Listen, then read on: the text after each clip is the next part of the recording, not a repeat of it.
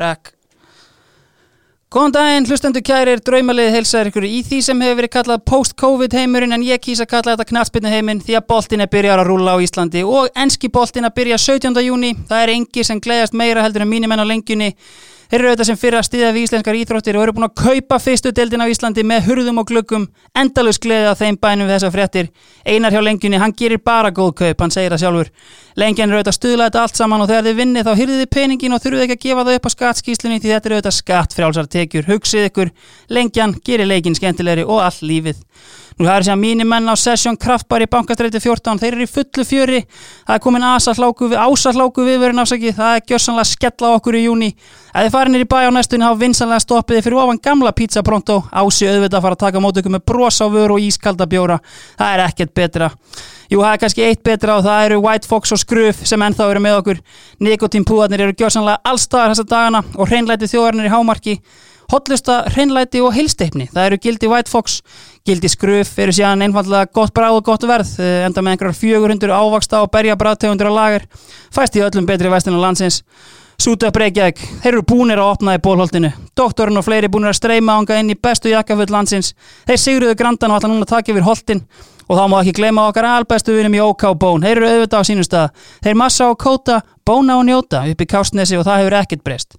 Voru sérstaklega ánaði með þá best bónaði í síðasta þætti og það hefur verið ekki fyrir vonbrými þessum þætti, trúið mér. Því að viðmandi þátturins er eitt leikjæðasti úlingalandstismæður ef ekki svo leikjæðasti sem Ísland hefur átt. 16 ára gammal var hann eftirsóttur af stórliðum í Evrópu og endið á skrifundi fjögur ára samning hjá Everton stutt eftir samrönduprófin sem fadir hans aðeins mestar áhyggjur á á sínum tíma. Hann var í miklum metum hjá David Moyes og Phil Neville í Everton og DFF spáði því að hér getur verið komið hinn íslenski Patrick Vieira. Hann náði þó ekki að brjóðast inn í aðalið Everton og eftir landstöl hjá Bournemouth og eitt leik gegn aðsetta Akmar í Európa-keppninni söðlaði hann um og spilaði í Holland og Belgíu áður hann endaði atvinnumannaferilinn hjá lélegu liði Silkeborg í Danmörku. Þó atvinnumannaferilinn hafi ekki farið alveg eins og vonir stóðu til getur hann huggað sig við það að hann kom aftur heim 26 ára gammal í hlíuna í Hafnarfyrðu og hýrti þar tvo Íslandsmeistra að titla með uppeldisfélagi sínu á hann að lagði skóna á hilluna aðeins 30 ára gammal. Fyrsti fyrirlið íslensku gullkynnslóðunar, góði gestir, Bjarni Þó Viðarsson.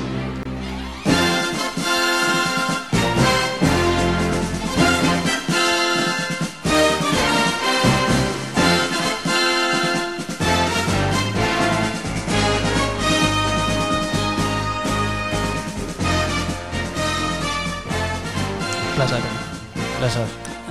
Hvernig var þetta? Þetta var frábært, þetta var mjög gott Já. Eh, Sérstaklega bara hrein skilin með Silkeborg Já. Við vorum ekki sérstaklega Við gátum eiginlega ekki verið eitt annað en það Ég tók einmitt eftir, sko, það var eitt nafn sérstaklega sem að stóð upp úr fyrir mittleiti og það var eh, Nikolai Kölert Manstu eitthvað eftir honum með það? Já, Hann var ungur hérna og spilaði með honum en hann hafði ekki mikið bætt sig fimm árun síðan þegar hann kom í val þannig að hann sendur heim mjög fljótt sko. já, það var erfitt hjá honum í, í val Hann, var, hérna, hann spilaði nú ekki mikið á Silkeborg en, en hérna, Allir rétt á hún ekki? Nei, hann spilaði meir í fyrstildin Já, einmitt. Herru, uh, ég meina þessar áhyggjur pappa þessar samrændu prófunum var þetta eitthvað sem þú veist að finna fyrir eða voru þið var þetta blöff hjá honum, voru þið bara að hugsa um samningin og minni áhersla á samrændu prófun Já, þetta var samningadaginn hjá pappa og hérna, Nei, ég hérna Ég held að við nú haft smá ágjur að senda ungan són sinn út skiljanlega en Já. hérna uh, stóðu nú vel að þessu hérna hjá Já, uh, skóli og annað einmitt Þetta er sko, þú ferð samt bara einn, er það ekki? Eða fer einhver í fjölskyldinni með þér? eða? Nei, ég fer eitt þarna, uh, ég verði að vikina fyrstu tveir, þrýr mánu voru virkilega erfiðir uh, Tókstu The Digs? Ég var uh, Eða er það ekki það sem þetta heitir hérna, þú veist, þú býrið þjá fjölskyldu? Jú, þetta Já. hétt sem sagt uh, Everton Lodge Já, Það var rétt hjá höfninni í Leopoldborg já, Þar bjó ég á samt uh, sex öðru leikmunum Þar á meðal Viktor Anitsjöbu og James Wan mm.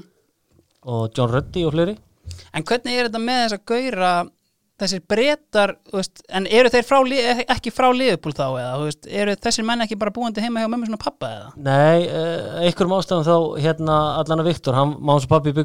en hann vildi vera þarna Já, já, uh, aðrir frá Birmingham eða annað, Já, en, voru þarna þetta var svona aðalega til að koma mönnum í, á æfingar og í skóla ég skil, ok. En, en við byrjum þetta bara á hérna, lögléttum pælingur frá mínum mönnum í Session Kraftbar, kongandi fyrir ofan gamla pizza pronto. Sko, ég meina, bandirinn og annað og, og móralskur vantarlega mjög góður á Englandi en þú fóst síðan alltaf til Belgíu og það er eh, langbesta bjórland Evrópu, en svo veist, eru þeir að svona er móralska stemmingin í ætt við það eða er það bara brettin með sinn vonda bjór sem er kannski með meiri móralskan eða? Já, alltaf sé ekki þannig, Bretin er náttúrulega virkilega skemmtilegur uh, Ég naut þess mikið að búa í Liverpool og Já. Bretlandi og, og var alveg til að prófa að búa aftur í, á Englandi. Já, Belgarnir eru fínir, þeir eru aðeins svona alvarlegri.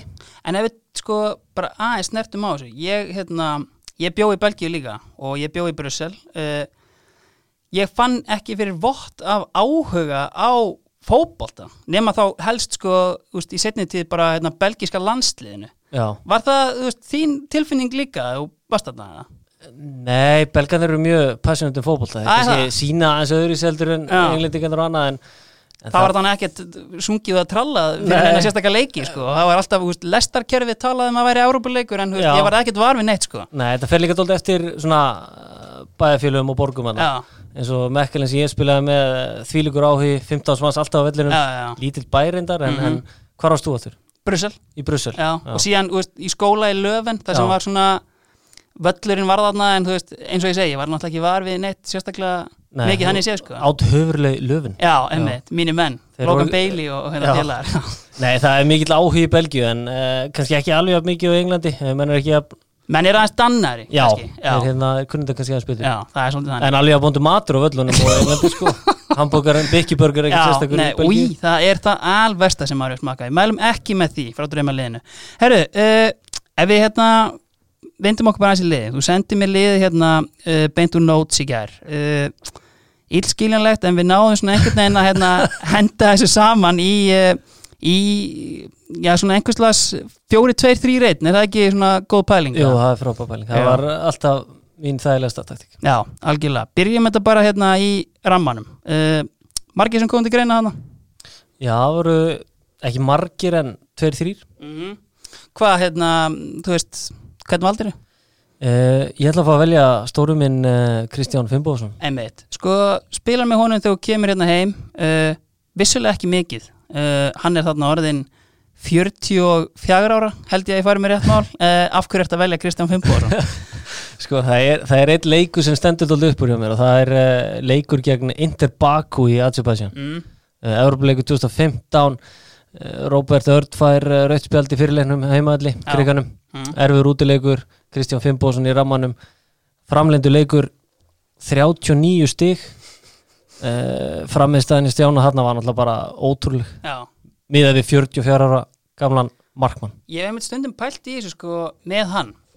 Að uh, þú veist, einmitt, þú segir þetta 44 ára gammal markmaður, ég held hann að hætt bara alltaf snemma sem að því að þarna, þú veist eru sko þrjú ára eða eitthvað síðan hann var sko markmannsþjálfari hjá Val. En síðan er bara Heimi Guðjóns fær hann bara hérna á bekkin og ég held að hann, hann gæti alveg að púla gulla held ég sko.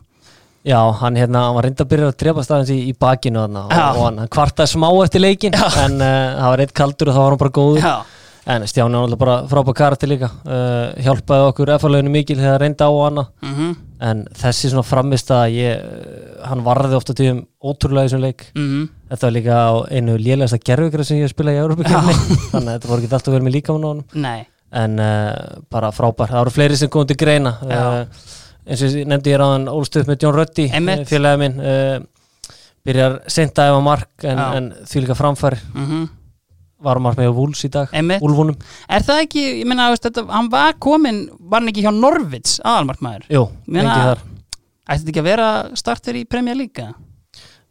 Jú, hann var náttúrulega, hann eh, fór upp með Úlfunum Já, en uh, síðan komu fjárfestar inn í Já. klubbinn og, og sóttu Rúi einmitt, sem er ágætt smartmaður en, en John bara búin að gera virkilega flotta hluti algjörlega. Ég hef heyrt oft, þú minnir á þess að bakúferð, ég hef ekki oft heyrt það, en, en sko, ég talaði við alla viðar, uh, náttúrulega þegar þú kemur inn í FA, þá er náttúrulega nýbúið að vera þetta hörmungar uh, dæmið þarna með hann stjörnileik. Fannstu vel fyrir því þú komst inn í klefan að, þú veist, þetta hafði gerst, allir viðar sagði mér þetta, hann hefði bara svona tekið heilangan tíma í ákveða hvað hann ætla að gera bara almennt og bara allir guðuna endur skoða líf sitt og hérna, veist, fannstu fyrir þessu þegar þú mættir eða? Sko ég fann ekkit rosalega mikið fyrir þessu. Ég kem í februar, ég held að menn hafi svona aðeins verið búin að jafna þessu á þessu Já. og annað og, og svona aðeins verið að horfa fram á við. Mm En auðvitað þegar við spilum á móti stjörnunni Já. tímabilið eftir hana þá vissi ég náttúrulega alveg að það var mikið í húfi hana þannig að en það var bara fínt að klára það tímabil. Vel. En einmitt það sem ég er að koma að sko er að það tala um þarna, þeir tala um þetta sem svona vendipunkt þarna einhverja ferð þarna til veist, var þetta svona, þú veist, með drulli svekkjandi náttúrulega detta út en þú veist, samt einmitt með Stjána 44 í markinu og fara í framlengingu þarna eitthvað gott peppin í restina mótinu? Já, ég held að þetta hafi verið, það hefur oft verið tala um þessa ferð, hún var náttúrulega, hún var epic, hún var frábær, hún Mm. var því lítið flottu hóteli og bara sjá Asjabætsjan, þetta land og þetta er, það var bara frábært, en, en svona kom inn í þennan leik, búin, nýbúin að tapa fyrir káar, virkilega lélir í þeim leik og svona allt á móti okkur, uh, erum eiginlega dæmdir úr leik þarna líka, já. Fáránlega dómgjæsla, Kristján Flóki Já, fær fær- tvö gul á já, fimm mínútum, Já, skorar og fæði síðan raut bara fyrir ekki neitt. Uh, Kristján Finnbóðsson með magnaða leik, já, Kasi magnaða já. síðan uh, frábær, frábært kvöld á hótel. Já, ég trúi því. Herru, við uppum okkur þá bara hérna í varnalínuna uh, Ef að byrja þetta bara í bara í hæri bakurinnum Já, sko ég, þarna ætla ég að velja mann sem er tengdu mér, fjölskylduböndum uh, kannski ekki með mestu hæfileikana sem knassfjöldumar en, en svona sýnir það hversu langt þú getur náð bara með því að leggja allt sem þú átt mm -hmm. í, í hlutina og hérna Jón Ragnar Jónsson Já. hann bara uh, var náttúrulega líka með í yngri lokun í spila upp fyrir mig og var með honum og, og hann svona var ágætis leikmaður en, en hvernig hann eftir hann kom í F og annað hvernig hann bætti sig Mm. hann laði bara hjarta sitt í þetta Já, og var bara orðin virkilega flottur leikmaður í lokin. Það er svona, hann er og var Já. Hann var, það var rosalega þægild að spila með honum. Hann, hann var alltaf mættur upp hægra megin, Mhm. tilbúin að fá hann þrjumunu fyrir uh, gætt hlaupið mikið. Ég meina hann hætti í fótbolta en hélt áfram að hlaupa. Það er náttúrulega, þú veist, hérna ég, ég ætla að fá að velja Jón frænda minn uh, og bara þetta er svona kannski dóldi kennslubóka dæmi um að, að gefast ekki upp og, og bara svona halda áfram og, og hérna þá getur orðið mjög góður. 100% Sko, kom það á óvart einhvern veginn þegar þú kemur tilbaka þú veist búin að vera frá íslensku fótbolta í hvað, 10-11 ár að koma heim og þú veist Jón, þú ert hér ennþá. Þú veist bara eitthvað eða þú veist, ég meina, búin að veist, segja ástæðanar, en þú veist, bara svona einmitt, þú veist þessi elju semi bara að, þú veist vera bara F-áingur, veri F-á og þú veist, að mæta á æfingu og Jón er bara hérna öskra menn og svona alfa á æfingum. Já, ég, náttúrulega tímabil undan var hann náttúrulega frábær. Já, átti frábær 2014 tímabil uh, og, og hérna kannski það kom mér dóldi óvart. Hversu upplifur var þá Fylgdistu uh, mikið með boltanum heima meðan þú eða? Já, ég hef alltaf fylgst rosalega fylgdist alltaf rosalega vel með FH þetta er náttúrulega svona já, þitt félag og annað þannig. Mhm. að ég gerði það alltaf því ég gatt en auðvitað, þú veist, komið svo sem ekki á óvart en, en hérna Jónu auðvitað bara með líka frábæra fyrirgjafir uh, hitt ofta á kollunum mér lagði hæglegur, upp, lagði upp 100 eftir marki og alla viðar. Hann er mjög frábær gaman að markið segja frá skaganum því. já, Já. frábær fyrirgjöf. Já, einmitt. Fagnaði líka vel og innilega það er eins og hann hafi skorað sko. Ekki að sjá þetta. En uh, hægri bakur er uh, Johnny Football. Já, algjörlega. Sko, ef við förum kannski í hérna Ég meina annar hægri bakur kannski, um, jú, kannski spilaði hægri bakur þegar þú varst þarna en ég meina Phil Neville uh, kongurinn í Everton. Já, Sko, hvernig gæi er Phil Neville? hann er erfur Já, er það? Sko ég er með hérna að því það er alltaf, úst, maður er einhvern veginn úst, Gary Neville er svo erfiðasti en ég held að sko, úst, það sem maður les í umræðana er að Phil sé svona B-típan en samt vel erfiður sko. Já, hann sko reyndist mér ágætlega á hana en hann var svona ágæð moment uh, hann var alltaf mættu fyrstur upp á einhvern og, og hann bara var alltaf mættur undan það skipti ekki mál að þú mætti sjö, hann var mættur hann, ég veit ekki hvað hann var að gera en hann var alltaf byrjaður í stíganum, byrjaður í hjólinu síðan Já. labbaður fram hér, það var alltaf come on Bjarni Já, og hann vildi að maður byrjaði og annað og síðan alltaf kvöldi fyrir leika og varasleikur annað, þá var hann á engasæðinu og ég, ég eftir íður lára spagetti en, og það var alltaf, sko, hann var alltaf að leggja þér hérna, skil, gefa ráð og annað sko. Sem getur verið kannski treytt á köplum eða? Já, en hann síðan svona eftir á, kannski var hann bara að Já, en hann, þú veist, frábær og ég, hérna, ég held hann eigi eftir að ná nokkuð langt sem þjálfari. Var hann betri í fótbolta en þú bjóst við? hann var mjög góður í fótbolta. Já. uh, mjög góður, já, hann, þú veist einföldu hlutin að gera það virkilega vel. Mm en það var hann líka alltaf að æfa þessi milliskrif, það var mjög fyndið. Já, ég veit ekki hvort þú tókst eftir þegar hann var að spila leiki hann var mjög góður að taka mútið boltan og fljótur að gefa hann svona, já, já, hann var alltaf þetta já.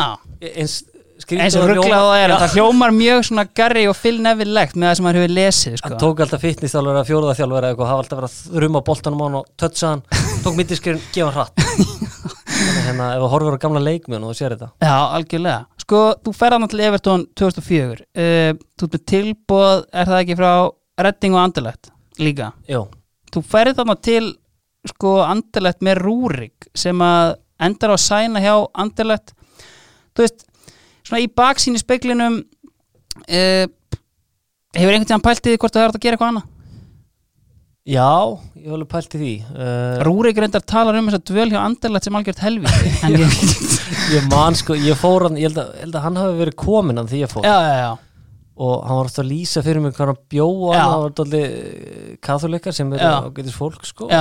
Sko ég las ekkert að þeim ekki, Nei, ég, en hérna hann, uh, hann var ekkert alltaf sáttur. Hann mátti ekki gera neitt droslega mikið hann mér skildist það en ég las eiginlega bara í það að, hérna, ég las þetta þannig þegar ég fann einmitt þetta viðtal hérna við hana sem var einmitt svona, veist, þá var hann komið til Tjalton og var einmitt að tala hérna um já, veist, ég bjó hann hjá einhverju strangtrúari fjölskyldu og ég mátti ekkert gera. Ég las þetta svolítið sem svona íslenskt entitlement að, að vilja einhvern veginn vera að gera kannski aðeins meira en hann mátti hefði átt að vera að gera. Já, en eða var það, veist, bara svona eða, veist, hann er vant, þetta er vantilega bara svona digs program einhvern veginn, kannski svo þú fórst var bara hérna, algjör léttleiki þar eða? já, þannig komum við kannski inn að þessu sagðan Belgin er doldið alvarlegri Já, já, já, eiginlega einhverju svona aðeins meira já, já, fáður hérna já, já. fáður meinat vængums eða eitthvað bara fáður Belgin var kannski ekki að rétta þér súkulega eða þú veist það var bara að fara að sofa og drekka vatn sko. já. ég held að það er doldið vandamáli hjá honum en Mm síðan var ég að æfa hann í andelt og annað og það er líka Brussel, þú þekkir hann og þú held- skiptist í tvent eiginlega er hún samt bara frönsk. Já, já, og Já, franskan var doldið erfið fyrir Mm. mig þarna þessum tíma. Já, já. og er enn. Og ég held að það hafi líka verið doldið erfið fyrir Rúrik franska. Og þeir er ekkit mikið að henda í flemskuna eða ekki enskuna. Nei, nei, nei, þannig að þetta hérna, það kom svo sem redding eh, var frábært sko. Uh, virkilega vel staðið öllu þar. Mhm. en einhvern veginn á, á endan var það líka hversu mikið David Moyes uh, hann var björn mjög ágengur. Ringdi oft í Vita Haldós og, og ég veit, ekki alveg hvort það vildi bara hafa eitt góðan íslendingan og til að halda tengingunni. En, en allan þá, þá hérna eh, var Evertón fyrir emmitt sko, auðvitað líka tenging uh, gegnum Leif Garðars uh, sem þekkti vel til hjá Mhm. akademinu og var búin að vera hana heimsækja á hana Mhm. Ray Hall sem var yfirmaður akademinu góðu vinnur Leipa líka. Já. Sko, þarna í andilegt, aðeins að spyrja sko, Vincent Company er vantalega heitast að property þarna. Já, uh, þarna er líka reyndar uh, Championship Manager legendið Anthony Van den Borre, maður stættir honum eitthvað þú varst þarna? Já, ég hérna uh, minnir að það var líka eitt sem hérna var alltaf steikt að ég var hann á reynslu mm. og uh, Hugo Bró sem er þá þjálfur hann Mm. kallar í varlistjálfurinn og, og varlistjálfurinn hendir einhvern tveim þrjum yfir og ég er einn af þeim rúr ekki skilin eftir. Og mér er hendi mann ekki alveg hvort það er vinstir, jú vinstir bakvörð 11.11 já, vissi ekki neitt sko. Kompani hliðunum er og Vanden Borri hægra megin. Þannig að þetta var svona freka stór stökk en, en þeir eru aðeins stærri og sterkar en ég á þessum tíma en sko, Company náttúrulega veitum allir hvað hann getur, en þú veist, sástu alvöru hæfileika í Van den Borre á þessum tíma? Já, hann var hérna þýlikur sprengikraftur í Já. honum og, og hérna við body. Algjörlega, sko, höldum þá bara áfram hérna, uh, eigum að fara í eitt kannski hérna. Uh, Óli Garðars brókaraði hann díliðin til Everton? Óli Garðars var umbúsmannin, já, þá. Eitt séu pælt með Óla Garðars Já. sem að hefur náttúrulega hérna uh, bara svona, þú veist, örglega brókara flesta Já. díla bara fyrir alla, þú veist, topp ná ekki. algjörlega. Er hann að hérna leita upp í talent eða heyri þið í honum? þarna var þetta doldið allan á þessum tíma var þetta doldið uh, gennum úlingalansliðin Já, hann vantarlega að fylgjast með því og spyrjast fyrir. Mm og uh, ég var á samning hjá hann Rúrik var á samning hjá hann Mhm. og Tétur Elma minni mig. Já, þannig að ég held að þetta hafi verið þa þannig þarna. Ég skil. Uh, kannski meir í dag á pappan en hérna uh, Óli bara virkilega flottur í öllu þessu ferli. Auðvitað lögfræðingur. Já, já, topp menn þar.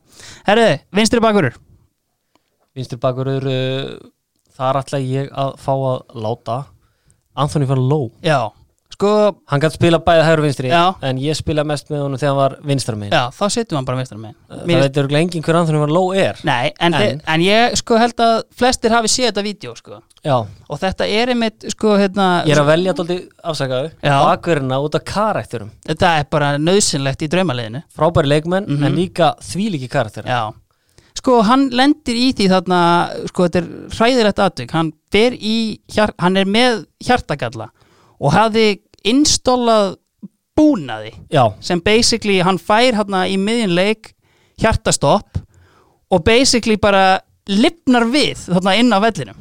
Já, þetta var hérna þetta var áður en ég kom. Já, þá hérna bara fyrir tilviljun uh, er verið að skima sem það ekki eftir hjartagöllum annað, þú veist, Mhm. reglur frá belgísu sambandinu og, og það er, uh, kemur í ljósa hans er með major hjartagalla. Já, og uh, það var bara þannig að hann átti ekki að spila fótbolt aftur en uh, hann fær hérna búnað. Talarinn minn á hann uh, sem er látin og þetta er leikur um þetta Antwerpen og það er einhver 30 steg hiti og, og hann hafði aldrei spilað eftir að hann fekk þetta í svona hita. Ég skil. Og þetta bara einhvern veginn hjarta hann bara stoppar. Já, þetta er vídeo til á YouTube. Já, já, þetta er Roselare vs. Antwerp Já, við hendum 2008-2009 við hendum við inn í hérna í uh, Já, við hendum þessu bara inn Já. á eitthvað, ég veit ekki, Facebooki, við hendum þessu á Facebooki. Já, þetta er ekki gekkið en þetta er- nei, þetta er mjög scary, þetta er áhugavert. það sem ég hef pælt í er sko, hérna, ég hef aldrei heyrt um neitt annan sem er með þetta einhvern veginn. Og þú Nei. veist, ég meina, þú sé, maður hefur sé hjartastopp á vellinum og, veist, en þetta er kallað defibrillator. Já, einmitt. Ég vissi ekkert hvað það var hann að einmitt þess að fór ég í búnaðinn sko. En veist, hann ekki líka með til Mekkala Jú, ég var með hann hjá Roselare og hann var einna af mínu betri vinni hjá Já. Mekkelen líka. Mm. uh, algjör toppnáðungi frá Brugge. Já, og hérna bara uh, spilar eftir að þetta gerist þá uh, þetta gerist náttúrulega hann á vellinum og hann, það haldi allir að hann þurfa að hætta en hann heldur áfram spilar eitthvað í Roselare og síðan keftur til Mekkelen mm og spilar í eitthvað 5-6 ár fyrir síðan til Kortræk já KVK Kortræk Já, ég kannast þið hvort ekki, góð þetta stoppistuð Já, einmitt. en hérna en þarf síðan að hætta núna fyrir held ég einu og halvu ári já, já, já, að því að þá segir professorinn í Brusseli mitt sem var búin að vera hjálpanleiki nú verður að stoppa. Já, Já. fór ykkur myndatöku en, en þarna aftur karakterin að að- eða ég veit ekki smá kannski vittlega heimska Ég ætla bara, ætlar að 50-50 kannski. Ég á með gumma ben hérna já, sem að getur valla gengið í dag. Og hann segir bara, þú veist, ég sé ekki eftir sekundu sem Nei. ég hitti á vellinum. Þannig að ég meina, þú veist, kemur út úr þessu heill þú veist, hann persónulega, þú veist, sér potið ekki eftir neinu, sko. Nei ég held að hann hafi hérna upplifað draumina að spila mikið í belgisu dildinni Já. uh, og staðið sér virkilega vel, hann flottur leikmaður og hann vantanlega eins og með marga þar hefur ekki lendið með Íslum og þessu Já. þá hefði hann náð nokkuð langt Algjörlega. Sko, aðri bakverðir, við förum aftur hérna í Everton tíman, uh, síðast tíma, uh, jú, síðast tíma breytið Everton, þá kemur Leighton Baines, uh, sennilega einn- frá Wigan Já, einn albesti hérna vinstri bakverður sem dildin hefur séð. Sko, sennilega, hann á 30 landsleiki, ég held að hann ætti í kringum 100 ef hann hefði farið frá veist, hann er náttúrulega frá Liverpool, eða Kirkby Já, þarna, einmitt, já. og þú veist, ég meina, var þetta bara gæi sem fannst bara, þú veist, þegar hann var komin bara, er ég komin heim, hérna. Já, hann, kannski eina af þessum típum sem bara kom inn og það var eins og hann hafi ekkert verið í öðru liði. Já, bara ég man fyrstu efingarleikurinn og annað bara frábær. Já, og öflug varnarlega náttúrulega þvílíka löpp, já, ótrúlega löpp. Já, já. og þvílík stabíl, Mm ekkert stóra sterkur, Nei. fljótur á sínum tíma kannski ekki lengur, Nei, en uh, alltaf staðið fyrir sínu og hvernig hann kom inn í þetta fannst mér bara magna, góðu gaur. toppnáðungi Já, mikið af há, hárgreislum stór, stór undarlega sko, hana, veist, í þessum Liverpool býtla hárgreislum sko, hérna, mjög mikið inn á milli þeim og, og, og bartar mikið sko. já, hann er flottur flott, flott típa. En ég meina Róselari uh, þú kemur þarna frá Tvente uh, þið fallið, eða ekki? Jú, föllum uh, var þannig að Stíma Klarin basically hendi mér frá þessu tvö allt er góð Já. Ég var endur á bekknum í fyrsta leiknum þegar þeir eru meistar 2010, eina skipti sem eru meistarar Já, Twente. já, já. bara til að koma því að. Já, já, Þannig að það algjörlega, má já, já, já. jafnvel tala með þessi hollensku meistar Já, fyrir dýbra En í ok. tvöndu eftir. Já, já, engar áhyggjur. Já, uh, við föllum í Twente, nei í Rúsilari Já, uh, þeir eru nýbúin að halda sér uppi ára undan þegar þetta gerist einmitt með Van Ló þegar Já. hann lendir í þessu þá voru reynda með Íman Perisist í liðinu. Já. Uh, hann held þeim uppi. Mhm. Ég átti aldrei að vera hann hann ára eftir. Já, hann reynda búin að skora okkur áttamörk og nála til að halda okkur uppi. Já, en síðan meiðist ég bara í umspilinu og, og þetta er náttúrulega þessi ég kenna mér um að við höfum fætt Þetta er náttúrulega þessi hérna uh, þessi magnaða fjór-fimm skipting á dildinni sem fer og þetta er vantilega þá okkar playoff sem þið farið í hérna um að halda ykkur í dildinni þetta var þannig að, að við vorum næstnæðistir Já, og við spilum held ég við fjög já þetta var fimmanna uh, riðill. Já, spilum við annað til fjóraðsæti í næstu deild. Já. Já, næst eftir dildin er náttúrulega auðvitað í þessu líka. Já, þetta var hérna 2010 þegar Elgósi var. Já, þá hérna, það kom breyk bara einhvern mánu sem spilu okkur langt fram á sumar. Já. ég man ég fekk viku í sumafrið þá var ég til mekk veist, þetta, var, þetta var uh, virkilega erfitt að, hérna að spila þarna með þessu liði líka á þessum tíumbúndi mm Mhm. reyndar uh, átti fína fjölaðna, Hólmar Örd var það með já, mér, já, hann kom að stóð sér vel og annað. Mm, uh, en uh, þetta var orðið svona doldið erfitt í, í lokin. Já, algjörlega. Herru, meir en það síðar. Uh, Færum okkur þá bara í hafsendana. Sko, hérna erum við með Við erum með uh, fjóra á blaði. Uh, Ef við byrjum bara á uh, erlendu leikmönnum sem þú ert að debata við sjálfan þeim uh, hvað þú átt að hafa. Við erum að tala um sko Boris Pantsa, Mechelen Legend já, og Kasim Dumbia Kassin Dúmbi já. Þetta eru tveir mjög líkir leikmenn. Dökkur, já, annar uh, bosníu maður já, spilaði lengi já. og þeir eru svona ró, ráir sko í öllu sem þeir gera. Mm rosalega sterkir í loftinu báðir. Já, fórna sér allt. Mhm. Uh, ég spilaði meira með Kassim. Og svona bara virkilega þægilegur. Oftast.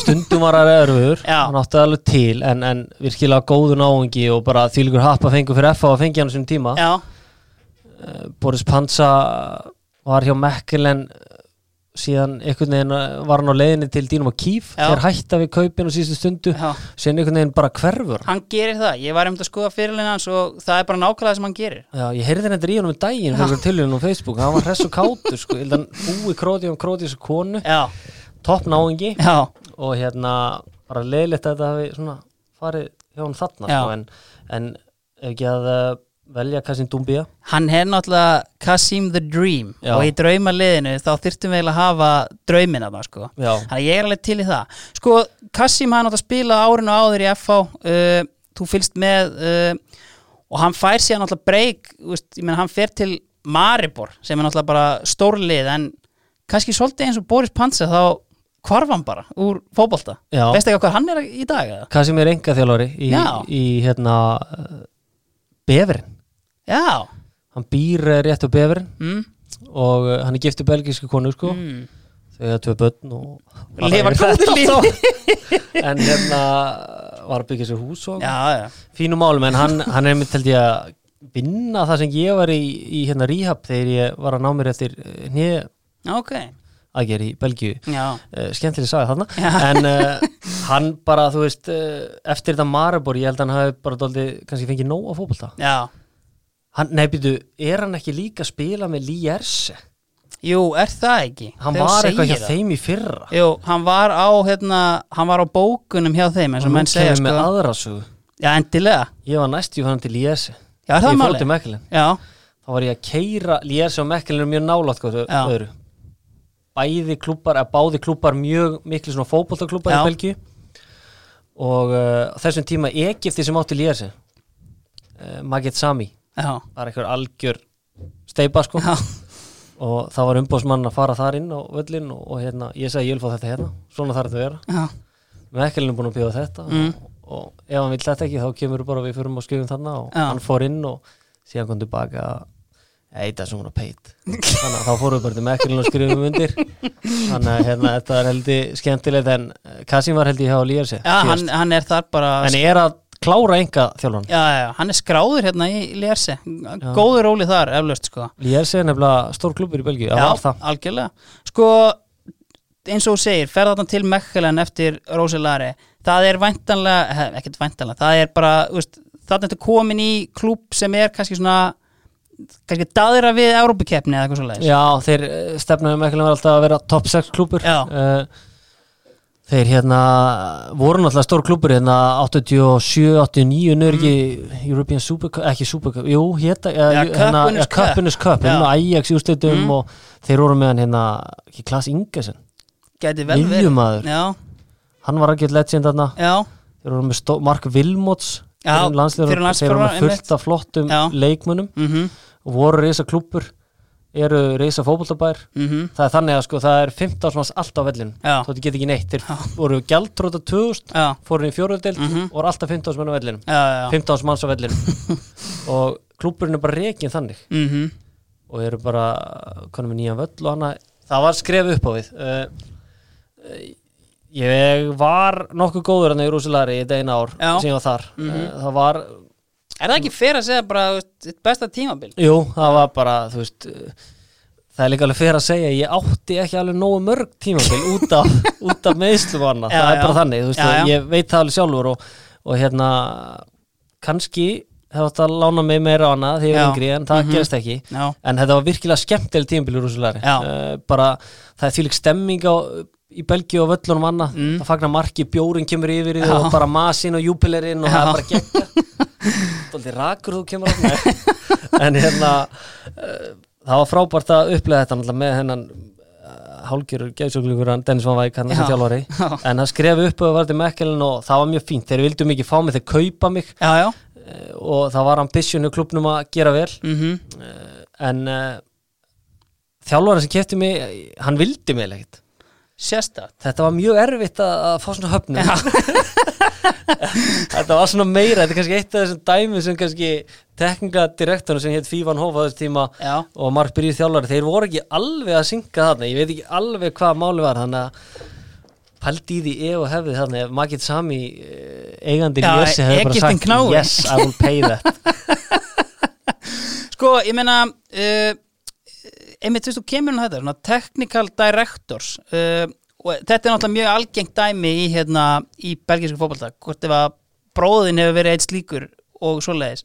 Addi Greta, sorry, á uh, sorry, Arnar já. hefur verið bara þjálfari uh, en það, þetta er mjög Er þetta ekki steikt dæmi, að því að ég hef einmitt oft pælt í þessu, einmitt upp á einmitt að fá kannski technical directora menningu á Íslandi, en svona hvar dregur um mörkin yfir hvernig þú átt að reka til dæmis? Ef þú veist, ég menna, að því nú verðist það líka bara að vera lenskan að það er skipt um technical director að bara alveg jafn mikið á þjálfara og hver er þá punkturinn eiginlega? Já og það er mjög mikið skipt um þess að menn líki í Belgíu. Það er eiginlega hjá mörgum klubum mm -hmm. og þetta er bara svona einhvern veginn doldið eins og þjálfarar. Uh, þetta er meira kannski stabiliserað í öðrum löndum. Já. en ég hef alltaf lítið á það sem technical director er bara hálfgjörur gæi sem er með eitthvað ákveðna hugmyndafræði. Og svona, ef það gengur illa þá, ætti að fá aðeins meiri tíminn þjálfarina því að kannski En hann ætti þá vantilega að ráða þjálfara ekki Dennis Van Væg sem kaupir leikmann og, og, og syngar ekki saman Nei, nei, það er svona ég veit ekki alveg hvað er í gangi þannig. Ég held líka oft á tím, þarna ertu líka með sko annað dæmum hvað fókbaltaheimin er oft á tím svona stiktur og hálfspiltur hann er það bara, já, hann er það. Uh, nýju af kannski 23-4 í hóp Mekkelin þarna mm. voru hjá sama umbúsmanni og þjálfarnar með. Já, já. Uh, man ekki hvað hann hétt en allavega þessi, Volter Mortermans umbúsmaður lendir síðan í þessu máli núna daginn sem bróðuminn var núttaldi hann var ekki involverið en hann var involverið því að þjálfar hjá Lókerum Pítur Masa á þessum tíma já, lendir í þessum hann að nextismáli með umbúsmenn að taka fjö og annað í Belgíu. taka frá Arna var ekki en hérna en það er hérna hann lendir í því og hann er með þessa leikmenn um ekkilinn og einhvern veginn notar þjálfarinn mjög mikið þessa leikmenn Já og, og við erum þá undan mér einn lið mm. Er þetta eitthvað sem þú finnur fyrir bara á æfingarsæðinu líka? Veist, er þetta, þetta er væntalega stuðandi, veist, að þú veist að Já, já, og líka bara afsakannar að, að þú keftur og fullt af pening Já. fjármálustjórin, teknikaldirektorin fossetin, hút okkar maður Já. og bara, já, ok, geggja Já, síðan bara, herru, fyrir fyrsta leik herru, ég ætla að nota hérna Kevin Gautens já, sem gæt bæðið ekki neitt sko, en veist, bara, veist og líka annars keppin ytur en, Já. en og ástæðan fyrir því var að ég náði ekki nógu vel saman við hinn miðumann sem ég jafnaldri minn, já, toppnáðingi og ég heit ekki nógu miklu tíma mönnum fyrir utan völlin það var ástæðan já, þannig að þetta er svona oft hvað áttu að gera þarna? Já, já. áttu, að, áttu bara, já ég, þarf að heyra í honum meira. já, og ég kannski brendi mig líka ofta því að verða létt pyrraður og fara svona í að, að hérna, eh, vera ásáttu við þjálfarnana staðan fyrir Mhm. bara niður með hausinn og áfram gakk. Já, það er bara einn maður sem ræður. Já, game of opinions og allt þetta sko. já. þannig hérna, þannig að ungi leikmenn hlusti á þjálfaran og hérna ekki vera mikið að andmæla.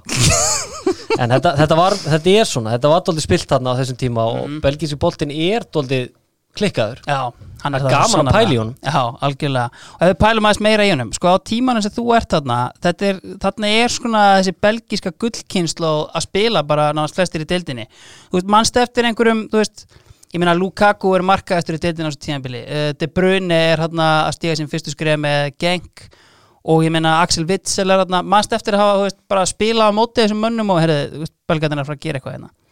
Já, þeir, þeir voru þeir voru bara orðnir nokkuð stóri leikmenn eh, Witzel og, og Lukaku. Já. uh, Tipo Courtois og, og hérna Kevin De Bruyne voru svona að stíga sem fyrstu Einmitt. með Racing Henk Já, og, og hérna þannig að ég spilaði reyndar dálítið oft á mótið þeim, spilum við byggarnir við og annað, mm, áttum góð gengi að fagna mótið þeim, en uh, andilegt voru erfiðari. Já. Lukaku var náttúrulega bara svakalur. Hann bara eins og hann er í dag, 17 ára Já. með hérna Lukas Bilja fyrir aftansi, Já. Biglía Bilja Eh, Ég er sko byggli að maður Já. uh, og þeir uh, Busúfa og fleiri, þeir voru með Mhm. geggja lið. Já, en þessi kynslu var náttúrulega, það voru fleiri leikmenn ég reyna að muna hverja aðri voru hann en, en þeir voru virkilega öflugur uh, mann eftir einu leik þar sem ég bara er einn og einn á Axel Witzel á miðunni, já, gegn honum þar að segja. Mhm. Uh, við með þetta Rúsi Larli sem var náttúrulega ekki gott á þarna þessum mæli en mínútur Mhm. undir beltið. Förum á Slessin völlin og, og vinnum 1-0 náttúrulega skorum mjög snemma og síðan var bara þrjum á boltana fram á hana en allan hana, barist hana Axel Mittil á miðinu og svona, það var skemmtilegt Já. að takast á hann, Hann stór og sterkur og, og öflugur en hérna þá vissum maður svona, heyrðu, já, þetta, maður getur þetta kannski. Já, algjörlega. Herru, setni hafsendin. Uh, Þar erum við svona að debata Væntalega góðvinnuðin Pétur Viðars versus góðvinnuðin Hólvar Örn. Já uh, Báðir mjög fínir strákar. Fyrst og fremst. toppnáungar og, og hérna auðvitað spilaði með Hólmari mikið í 21. sliðinu Mhm. uh, Hólmar líka bætt sig gífurlega sem leikmaður uh, með árunum. Og einn af þeim bestu allana sem ég hef verið með í einn og einn hafsend það er ekkert margir sem fara fram hjá honum. Mhm. það var enda konið herri bakurinn á landsliðinu Já, já. tímabili, en ok. Var það svolítið Wild Goose Chase hann eða?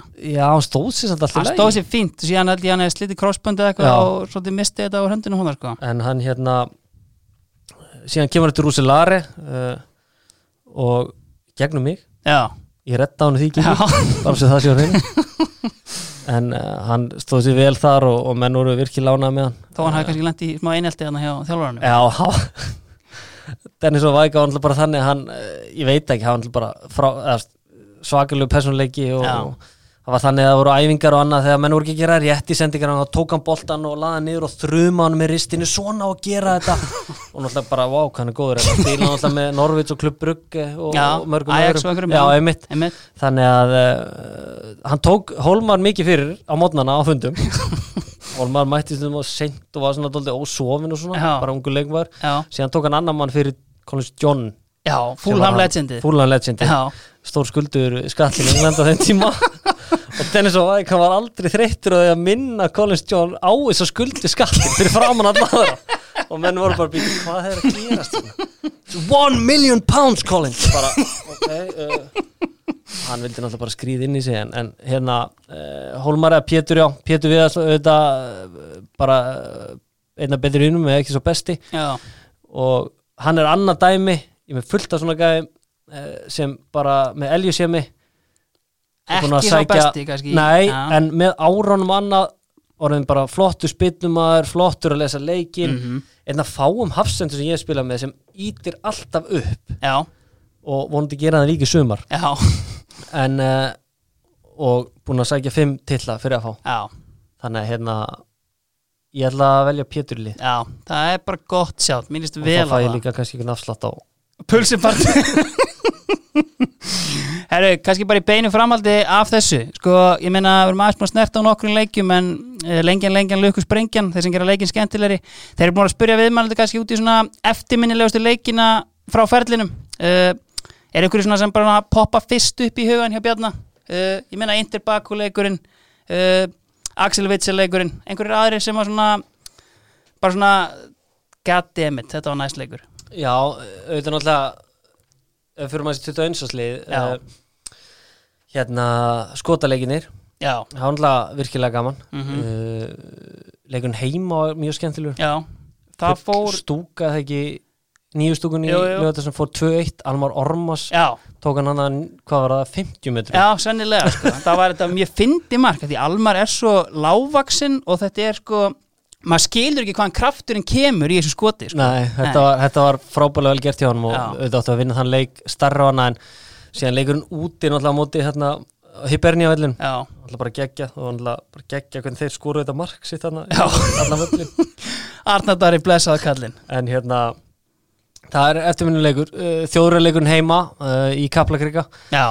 Og aðalega líka bara út af áhörndunum Já. Bara sjá fullan völl mm. og bara því líka stuðningur. Þú hefur eiginlega ekkert séð þetta gorki fyrir niður síðar sko, hjá undir þetta eins og snansliðinu sko. Nei, þetta var, þetta var magna mm. og kannski svona bjóð til smá stemmingu fyrir framaldi Algjörlega. En uh, síðan annar eftirmjölulegu kannski svona meira tengt mér mm. var, það var ég að lána hjá Bormóð og uh, þá hérna ég held að þetta er annar að þriðleikur minn, ég held ég að spila sex leiki mm. undir stjórn uh, mistra Kevin Bond. Já. Og hann eh, aðstómar hans þannig Eddie Há mikill meistari. Mm -hmm. uh, ný hættur, búin að slíta crossbönd og nýðan var ykkur maski nýbúið að köpa til Postmoth, ég held að þetta sé rétt hjá mig svona já, ég held að já. Uh, allavega Eddie Há toppmaður Kevin Bond var bara svona létt ég veit ekki, ég veit ekki hvað hann að gera þannig sem stjóri, hann hérna var meiri bara aðstofmaður Kevin Bond var náttúrulega aðstofmaður Harry Redknapp, eh, nánast allan hans fyrir einhvern veginn sko, sennilega verið best geimtur þar bara. Já, ég held það, hann svona þarna var, ekki alveg, en allavega Oldham útöðli, ég man ekki hvað völlurinn heitir uh, við ekkit í fallbaróttu ég byrja vinstir kantinum staðin hjáleg 2-0 ég meitt fagnar fyrir fram Tómas Stúku var ekki mikið af stundsmennum sem kom frá Bormóð það voru tveir eða eitthvað, ég, ég mynda þessu tölminni sem er á njánum það er enginn í stúkun, þetta, þetta er magna en alltaf hana uh, Deima Goldring hérna sem skorar engi mörk í dag. Já, hérna uh, Seffield United, já, já. hann á erfnið að skora. Já. því var lýsingur leikun daginn og hann var bara hann er sjokkingin langt frá þessu sko, alltaf, já. Þá hérna 2-0 í háluleik sem komið inn í klefa og og Kevin Bond með maður búin að tala ykkur á sjö mínútur og síðan bara færa ykkur að fluga í hausin Bjarni, you're coming off. Tactical change. Bara og ég hef bara búin að vera virkilega góður í þessu leik og, og síðan er bara tekin út af og, og, og við vinnum leiksamt 2-1 og annað og hann hérna bara kemur með eitthvað útskynningar eftir leikin að ég hef verið þreyttur og annað. Þetta var svona eftirmilda því það var svona fyrsti alveg leikunum sem ég var að standa með vel á Englandi. Tekinum þetta í háluleik mm og skildi ekki neitt af hverju. Og útskýringu var bara ekki neitt og, og hann var líka að segja þetta hann var líka að tala við mig, hann var útskýrið fyrir mig. Við stóðum fyrir utan einhver fish and chips stað í Oldham, þeir fór alltaf fish and chips ég er ekki grínast, bormóð þetta, þú veist, ef þetta var bara kokkur í, í hérna rútunni Já. bara eldað og fýtt matur sko, en þarna var bara where's the next fish and chips place sko. Það var Kevin Bond bara ég þetta franskarna með greifi og bara yeah, you know, it's just tactical. I thought you were tired og bara hey, ok. Þá kam við langar að komast bara aftur á hótelin. Fyrir utan fyrst tipstæðin þetta var svona, þetta var doldið eftirmjöluleikur kannski bara svona líka skemmtileg saga. Algjörlega, svona. en þá leiðum við okkur bara upp í hérna miðjuna og bara hérna bormátt miðjumæðin sem okkur er velja, hver er þar? það er uh, Jack Cork. Já, Jack Cork Já. sem er í dag held ég í Burnley, Burnley. en það ekki rétt hjá var í Swansea. Náttúrulega, var tekin hann inn í Brendan Rodgers programmi hérna og Anna, ég meina alvöru spilari. Er hann, er uppan held ég í Chelsea, Chelsea, er pappan spilaði heldur í Chelsea. Já, getur verið. Hann var alltaf mikið að tala um það þegar hann skuttlaði með æfingar hann að ég fekk alltaf fara með hún Já, þannig að hann hafi gaman að því en topp náungi og svona bara heiðalegur miðumæður, já, virkilega. Já. Sér og það, hefur náð langt. Það gerist eiginlega ekki heiðarlegra að hann hefur spilað bæði með sko, ég verði bara að tjekka á þessu að því að sko, svo ég sé ekki að fara með rántmál ég er nokkuð vissum hann hafi verið með hérna, ég ætla ekki að staðfesta þetta en, Swansea sem svona ballplaying lið Já, og í dag er hann í Burnley hjá Sean Dice sem er ballplengli líka. Þú finnir eiginlega ekki svona meiri kontrast á og hann er samt þarna bara startir í báðum liðum og, hérna, og bara í, í góðum gýr þannig ég meina alvöru spilari. Já, hann hérna það- tek hérna, já hérna en það alltaf er flott, ég gera það Eh, svona miljón sinnum í hverjum þetta Já, Kork var þarna hliðinu mér. Ég var ekki á miðjunni eins og ég sagði náðan ég Mhm. var á vinstri kantun hjá Bormar já. Sést það? Ímyndaði mig á vinstri kantun sjáðu mig, sjáðu mig fyrir. Allan númer 31 á kantinum. Já, og ég var náttúrulega útskýrt fyrir mér Allan Örvan þá Everton, you're going there and you're playing in midfield with this one og gera þetta svona og Mhm. en síðan var ég bara fengið hann og ég bara eftir fyrsta leikin þá vissi ég bara, heyrðu það bara, fá minn og ég var maður bara fyrir Danner Anderton já hann er eitthvað meittur aðeins hann var nýbúin að, ég tjekka á þessu hann var Já. nýbúin að setja einhverja þrennu þarna mjög stuttu á sko. já, ég kom inn á þinn leikildi, ég Er um já, fyrir hann eitthvað og, og þá eftir leikin þá bara Tjáður kemur bónd mér, reyndar ekki fyrir utan fyrst chip. Þarna vorum við bara inni á þarna, hvað heitir völlin, í völlin já, heitir þetta dín kort, en Mm. ok. Að ég sé bara svona dóldi bekka fyrir Anderton, þau eru bara klár á vinstur kantin og Það það, var erfitt já. stundum að vera á kantinu þarna á dín kort og vera, það er svo, þessi völl hann er mjög tætt hann er, ro, þeir eru rosalega nála til árundin þú sér þetta bara í sjónvarpinu Já. sko. já, og það er bara mjög er, eða, erfitt eh, það ætti ekki að vera erfitt Nei. en liðinu, þeir voru sko, þegar ég kemur það hafi verið í eh, 19. sæti já. og bara í League One já, já, í bullandi fallbáratu já.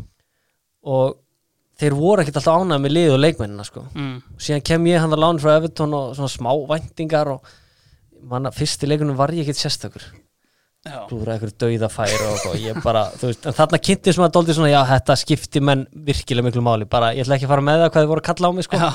en sjálfstöðstu var ekki svakalega mikið eftir fyrsta leikin, nei, nei, nei, en síðan reyfum við í ganga það mútið ólta með að tegnum þetta hálfleik, en Jack Cork uh, frábær uh, miðumæður, eða frábær miðumæður, uh, duglegu miðumæður já, uh, svona honest, uh, hardworking kemur boltana frá sér og tilbúin að leggja mikið á þessu við lið algjörlega. Þannig að þetta er 19 ára uh, komin í League One þú veist, ég, ég svona var aðeins að pæla í þessu en þetta er kannski ekki það þú veist, hérna að því maður pæli svona aðeins, þú veist, hefur þetta verið að fara á lán fyrr einhvern veginn veist, og en, þú veist, en samt, þú veist, ég, ég tjekka á Gilva, ég held að hann hefði verið cirka 19 eða, þú veist eh, ég held hann hefði verið 19 þegar hann fótt í krú eitthvað svoleiðis, en þú veist hefði þú viljað fara á lán fyrr til dæmis?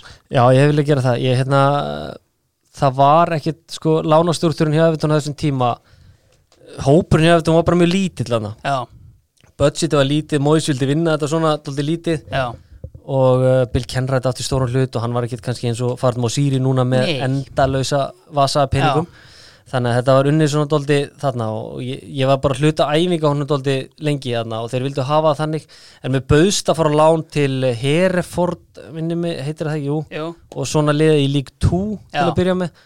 Og var að fara á fullta stöðum en síðan allt í hennu dettur það út já, af því að það Arteta með Osman og þá var ég ekki að fara að spila sko nei, en þetta þurfti en að hafa það þurfti eitt hérna í bjelið og skilur já, emmitt þannig að þetta var svona dólið þannig en þeir hefðu mótt gera meiri því og ég hef viljað fara fyrr, jú, alveg 100% Algjörlega. Sko við förum bara í hérna, nokkra leikmenn hérna, hjá Bornmátt. Þetta er náttúrulega hérna, þú kemur inn á Darren Anderton sem Já. er náttúrulega hérna, maður sem bjóð til flest færin á EM 96. En hvernig, var, hvernig standi var hann hérna 2007 hjá Bornmátt?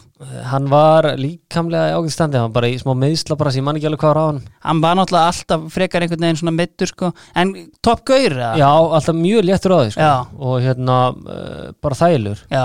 hann æfiði ekki mikið Nei, það kemur ekki óvart. En sko, ef við snertum með mitt á hérna, Dave McGoldrick á hann. Uh, Gat hann ekkert skorað heldur hjá Bornmátt? jú, hann var nefnilega virkilega öflug þar Var það? já, Já, hann er góður í og Það er ástæða fyrir hann að spila einhverja 20 leiki núna í byrjunleginu hjá Sheffield sko. það var hérna meiri sprengikraftu kannski í honum þá Já. Hvað er hann gaman? minnir hans í 88 já, ég held það líka, leiðis en, hérna, en hann, hann var virkilega öflugur hann ég held Mhm. hann hafi komið oftar á lániðanga og staðið sér vel algjörlega, síðan kannski hérna það er hérna sko algjört club legend í Já. uh, Steve Fletcher sem Club er, ambassador já, einmitt veist, það er gæi, ég held að hann hafi ekki veist, hann spilaði eitthvað aðeins kannski eftir að þú ferð þarna, en ég menn hann er leikjæsti leikmaður Bournemouth og kannski einn af strækjurinnum á þínum ferli sem þú kynnist sem að skora ekkert sérstaklega mikið að mörgum en, en samt, þú veist, bara algjört legend þarna í eða? Þetta kemur kannski inn á punkt sem ég vil daldi ræða Já. Eh, Ég held að ég hef náð lengra ef ég hef verið með framherja sem hefur skorað fleiri Nei, en, en ég, ég með minni núna þegar þú fyrir að tala um Steve Fletcher Já. hann er náttúrulega Steve Fletcher, hann er algjört club legend Já, og ég held að hann hafi skorað mikilvægsta marki í sögu Bormóð þegar þeir náðu að halda sér upp eða tveimur ára setna já, í sko D-dildinni já, já, já, þeir voru að fara bara í non-league Já. ef hann hefði ekki skorað það mark já. og eftir það þá faraði hann upp Já, já, já. mörgur röð.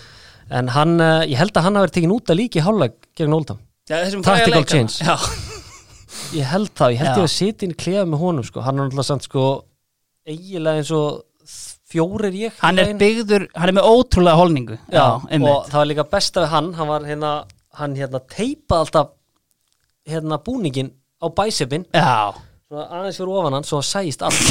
Það er til myndir á, þetta er magna, hann teipaði alltaf. Geggja gæði, geggja en síðan sá ég sko, hérna, veit ekki hvað hann var á sama tíma og þú, en Ryan Bertrand kom að hann á lán. Uh, Já. spilaði með honum með það ég held hann hafi þessi mánuð sem ég var, ég held að hann hafi nýverð farin Já, já, já, tilbaka og hafi sem komið eitthvað aftur. Algjörlega.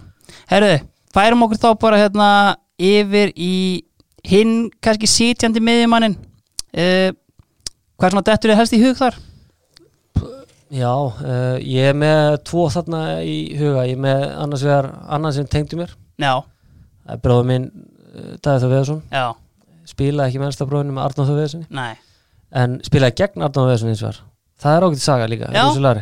Tökum það. Uh, spilum átti Serkli Brugga í Jan Bræðurstadion og, og hérna uh, 1-0 fyrir þeim, við fáum mikilvæg leikur í februar það er kannski breytt gengi Rússi Lari þarna. við fáum víti, ég var búin að skora okkur þrejum vítum á tíumbilinu, fer á punktinn. Minni með að hann sé eitthvað að hérna kemur upp að mér. Sko, ná típiskur eldirbróðir Já, Ertu bara rólur, ertu bara rólur? Vildi ekki að þeir skora? Og svona, þú veist, geðið kering og og síðan bara sagði við með eftir leikin svo ég klikkaði bara alveg ömulegt víti. Já, já, sagði eitthvað hann hefði hugsað anskotan þegar ég klikkaði sko, hann hefði hugsað svona skora, þetta er einhver skora, skora Já, hann, hann vildi Já, að skora Þetta já, var ekki Nei, þetta var hann hérna þannig að hann var uh, myndi vel. En, en hérna, Davíð og, og Aron Einar Já, þeir hérna auðvitað með Arni gegn, uh, gegnum öll yngri landsliðin. Uh, þvílíkur íþjóttamæður Já, frábær fótboltamaður mhm. og uh, bara hefur þroskast einstaklega vel. Já, það er óhætt að segja það. Og En ef ég á að vera, ef við fyrir kannski bara aðeins í Davíð og, og einmitt bróðin Arnar líka, sko, ég fekk Lóa Ólasinna til mín Já. og hann sagði mér að bróðurinn með minnstu hæfileikana hefði náð lengst eru þið bara eftir sammála því? sko hérna þetta er erfitt. Uh, Arnar uh, náði lengst og spilaði náttúrulega mörg ár erendis Já, fyrsta já, já. spilaði ykkur, ég man ekki hversu 400 leiki efstild og, og bara náði lengst. Uh, ég spilaði náttúrulega fæsta leikina. Ég, einhvern veginn uh, þá voru meðsli ekkit sérstök hjá mér. En, en hérna það má kannski segja það að hérna Arnar var náttúrulega uh, minnstur á okkur. Já, og annað en, en kannski ekki með mestu hæfileikana en þarna aftur sýnist kannski hvað uh, andlegu styrkur mhm, uh, kemur þér langt. Algjörlega. Ég er alveg andlega sterkur líka sko. en hérna en ha, það er kannski bara hár rétt í að lofa Já, en hvor var þá betri í þetta? Það, ég sko, hann skauta eiginlega fram hjá því. Ok, allir leið En ef við förum aðeins bara í Davíð, sko, ég meina hann fer hérna mjög ungu til Lilleström, uh, fer síðan til uh, Öster held ég hérna á einhverjum tíðanpunkti. 2010, Já, sko, eða 2009 já. úst, með að við bara svona, úst, hvað hann dominatar íslensku, eða dominataði, hættu náttúrulega í dag, uh, íslensku deildina, þú veist, gæði sem hefði átt að spila meira í atvinnumösku. já, pottitt uh, hann hérna En með líka bara levelin sem að þú spilar á, veist, í hérna, í til dæmis bara belgísku dildinni, eða, og síðan kannski, þú veist, einmitt, bara geta plumað sér vel þar Já, hann, fó, hann spila náttúrulega með lókerinn í nokkru leiki en þá kannski lendir hann í leiðilegu meðslumann og var ekki sérstöku þar en, en hérna en hefði getað plumað sér ákveðlega þar. Já. Þetta er bara, veist uh, þessi knaspinu heimur. Já, eins og ég sagði hann, þetta er doldið mikið svona game of opinions og síðan er þetta líka doldið svona þarta hitt á réttu momentin já, en þú býr þau líka til sjálfur. Algjörlega. Herru, uh, eigum við að velja annað kodnið það?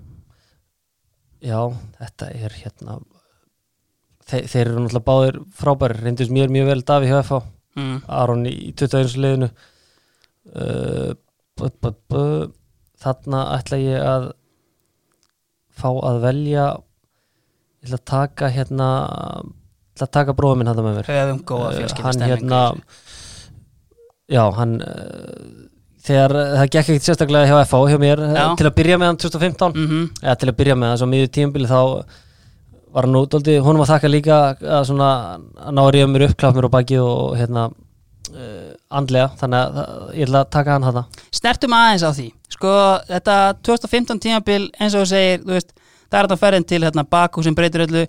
Á undan því, ég meina tapi fyrir KR það er þarna það eru þessi peninga ummæli þarna, þú veist, Já. og allt annað og fjölmiðla bann hjá FH liðin og annað, þú veist hvernig var svona stemmingin inn í klefanum svona á þessum, var þetta svona jafn, að því svona fyrir utan að komandi aðla, þá Já. svona virka þetta mest bara eins og eitthvað fíla bara á annað, en þú veist, var fíla inn í klefanum eða voru þið bara hlæjandi að þessu eða? Nei, við vorum ekki, við vorum ekki hlæjan þess alls ekki sko þú veist, það, það var alltaf, ég held að alltaf verið virðing hjá FH ga- hérna gagvart fjölmilum annað en það var eitthvað, okkur fannst þetta svona dóldi eitthvað langt gengið og annað þarna en, en það var engin fíla en eitt og ég kannski var minnst var við þetta liðina því ég var að flytja þarna þessa dag og þannig að ég náðu bara að týna mér í því Já, já, já, en, en þú veist, þetta var ekki sérstakt þarna þessi umræða og, og hérna en þú veist, þetta gerist og þetta er búið en, en við hérna uh, kannski hafði þetta smá áhrif á spilamennskuna já, í framhaldinu, já. í nokkra leiki Mm algjörlega. Herru, förum þá bara hérna áformaldandi íslensku stemmingu í hóluna. Uh, attacking midfielder. Eitt sem kom til greina bara. Nei, þeir eru tveir Já, uh, Nú fer ég aftur í 21. slið fíla það. Gilvi uh, Þór Sigursson og uh, Birki Bjarnason Mm uh, báðir bara auðvitað búin að gera frábæra hluti fyrir land og þjóð Já, já. og hérna báði virkilega öflug leikmenn Eh, kannski ekki sem stílin Nei, alls ekki. en gott að hafa að báða fyrir fram að sig kannski betra að hafa Birki fyrir fram að sig varnarlega, hann, hann, hann reyði sig aðeins meira en Gilvi en, nei, nei, Gilvi hleypi nú mikið en, en svona aðeins kannski veit ekki, öflugur varnar með vorum 21 ás en, en Gilvi kannski hefur uh, vaksið sem varnar með mikið. Algjörlega. Ef byrjum bara á Birki Bjarna, sko, þetta er svona, hann er svona hálgert enigma, svona kannski fyrir íslensku þjóðinni, með uh, norðlensku, norsk-íslenskuna sína og þú veist svona bara svona virka feimin í viðtölum og annað og kemur náttúrulega hérna hann er vissulega þarna í eh, pressuliðinu á sjálfmótinu uh, í 88 árgangnum sko með Káa en síðan náttúrulega bara fer hann til Norex og kemur síðan kannski svona einhvern veginn ég veit ekki alveg hvernig svona einhvern veginn svona, herru við eigum hérna gæja í Norei og veist, var það svolítið þannig sem hann kom bara inn í úlingalandsliðina Já, minnir hann hafi bara komið inn í eitthvað Norrlandumót sem var þá haldið í Noregi, getur það ekki verið, eða Svíþjóð. Já, já, já, held að það verið þannig. En Mm. strax þá sástu, er alveg kraftur í þessum gæja. Mhm. Og bara hann er svona, þú veist en hvernig gæja hann í klefanum? ha, Birkir er, uh, var rólegur svona til að byrja með en hann, það er gaman á hann það er mjög gaman á hann Mhm. uh, mjög góður strákur. Uh, vissi ekki alveg þegar hann kom allavega svona fyrst til Íslands og annað hvað Íls appi sín var á en hann hefur lært það. Já, algjörlega. Og ég menna við fyrir síðan bara í Gilva sko, kannski hérna Gilvi er náttúrulega einu ári yngri en þú, hann er 89 Já. mótel uh, ég hef oft svona kannski eh, ég, ég sef alveg yfir þessu. En sko, þú veist Gilvi kannski svona sem krakki að því hann fer 15, 14 ára til redding kannski minna svona að því að þú veist gæjar eins og Rúrik uh, Já. Arnór Smára Já. þetta eru svona gaurar sem að ef maður talar við uh, gæja sem voru á þessum aldri þetta eru gaurar sem bara er, veist, ég er bara hérna með sögu hvernig ég lendi í honum en þú veist kannski minna en þú veist var hann alltaf veist þetta talent eða er þetta bara þetta endalösa hard work sem hann hefur lagt á sig Gilvi var alltaf uh, mikið talent náttúrulega einar yngri eins og segir og var með honum ynglifokkunni í FH mm. Uh, hann uh, var alltaf rosalega góður í fótbolta. Mm en auðvitað þessi auka vinna sem hann hefur lagt í hlutinu náttúrulega made, hann hann er. difference sko. Ef förum þá bara í hérna þetta hérna ævintýri á 121. landsliðinu. Uh, búin að snertina er umspilsleikinu við skotana. Síðan er komið að mótinu einhvern veginn. Uh, Bjarni þó við að svona fyrirli uh, kannski underwhelming framist að hjá sjálfu þeirra einhverju leiti á mótinu? Já, eiginlega bara uh, mjög mikið þannig. Mm Mhm. uh, held að sé bara ágætis lýsingar uh, Fyrsti leikurinn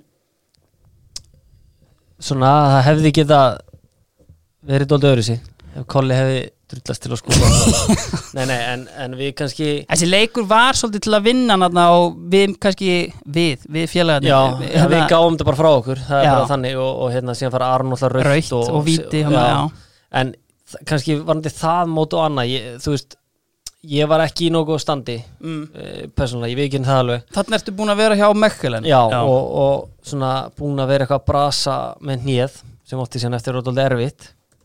En, uh, og ég er bara ekkert nógu góður uh, vökvinn og annað, það er ekkert Mhm. sérstakt. Þannig að hérna uh, var bara dóldi sprungin á því eftir ykkur 70 mínútur gegn kvíturúsum ég- held ég að fyrir út eftir 80 eða hvað mann Mhm. minnum mig.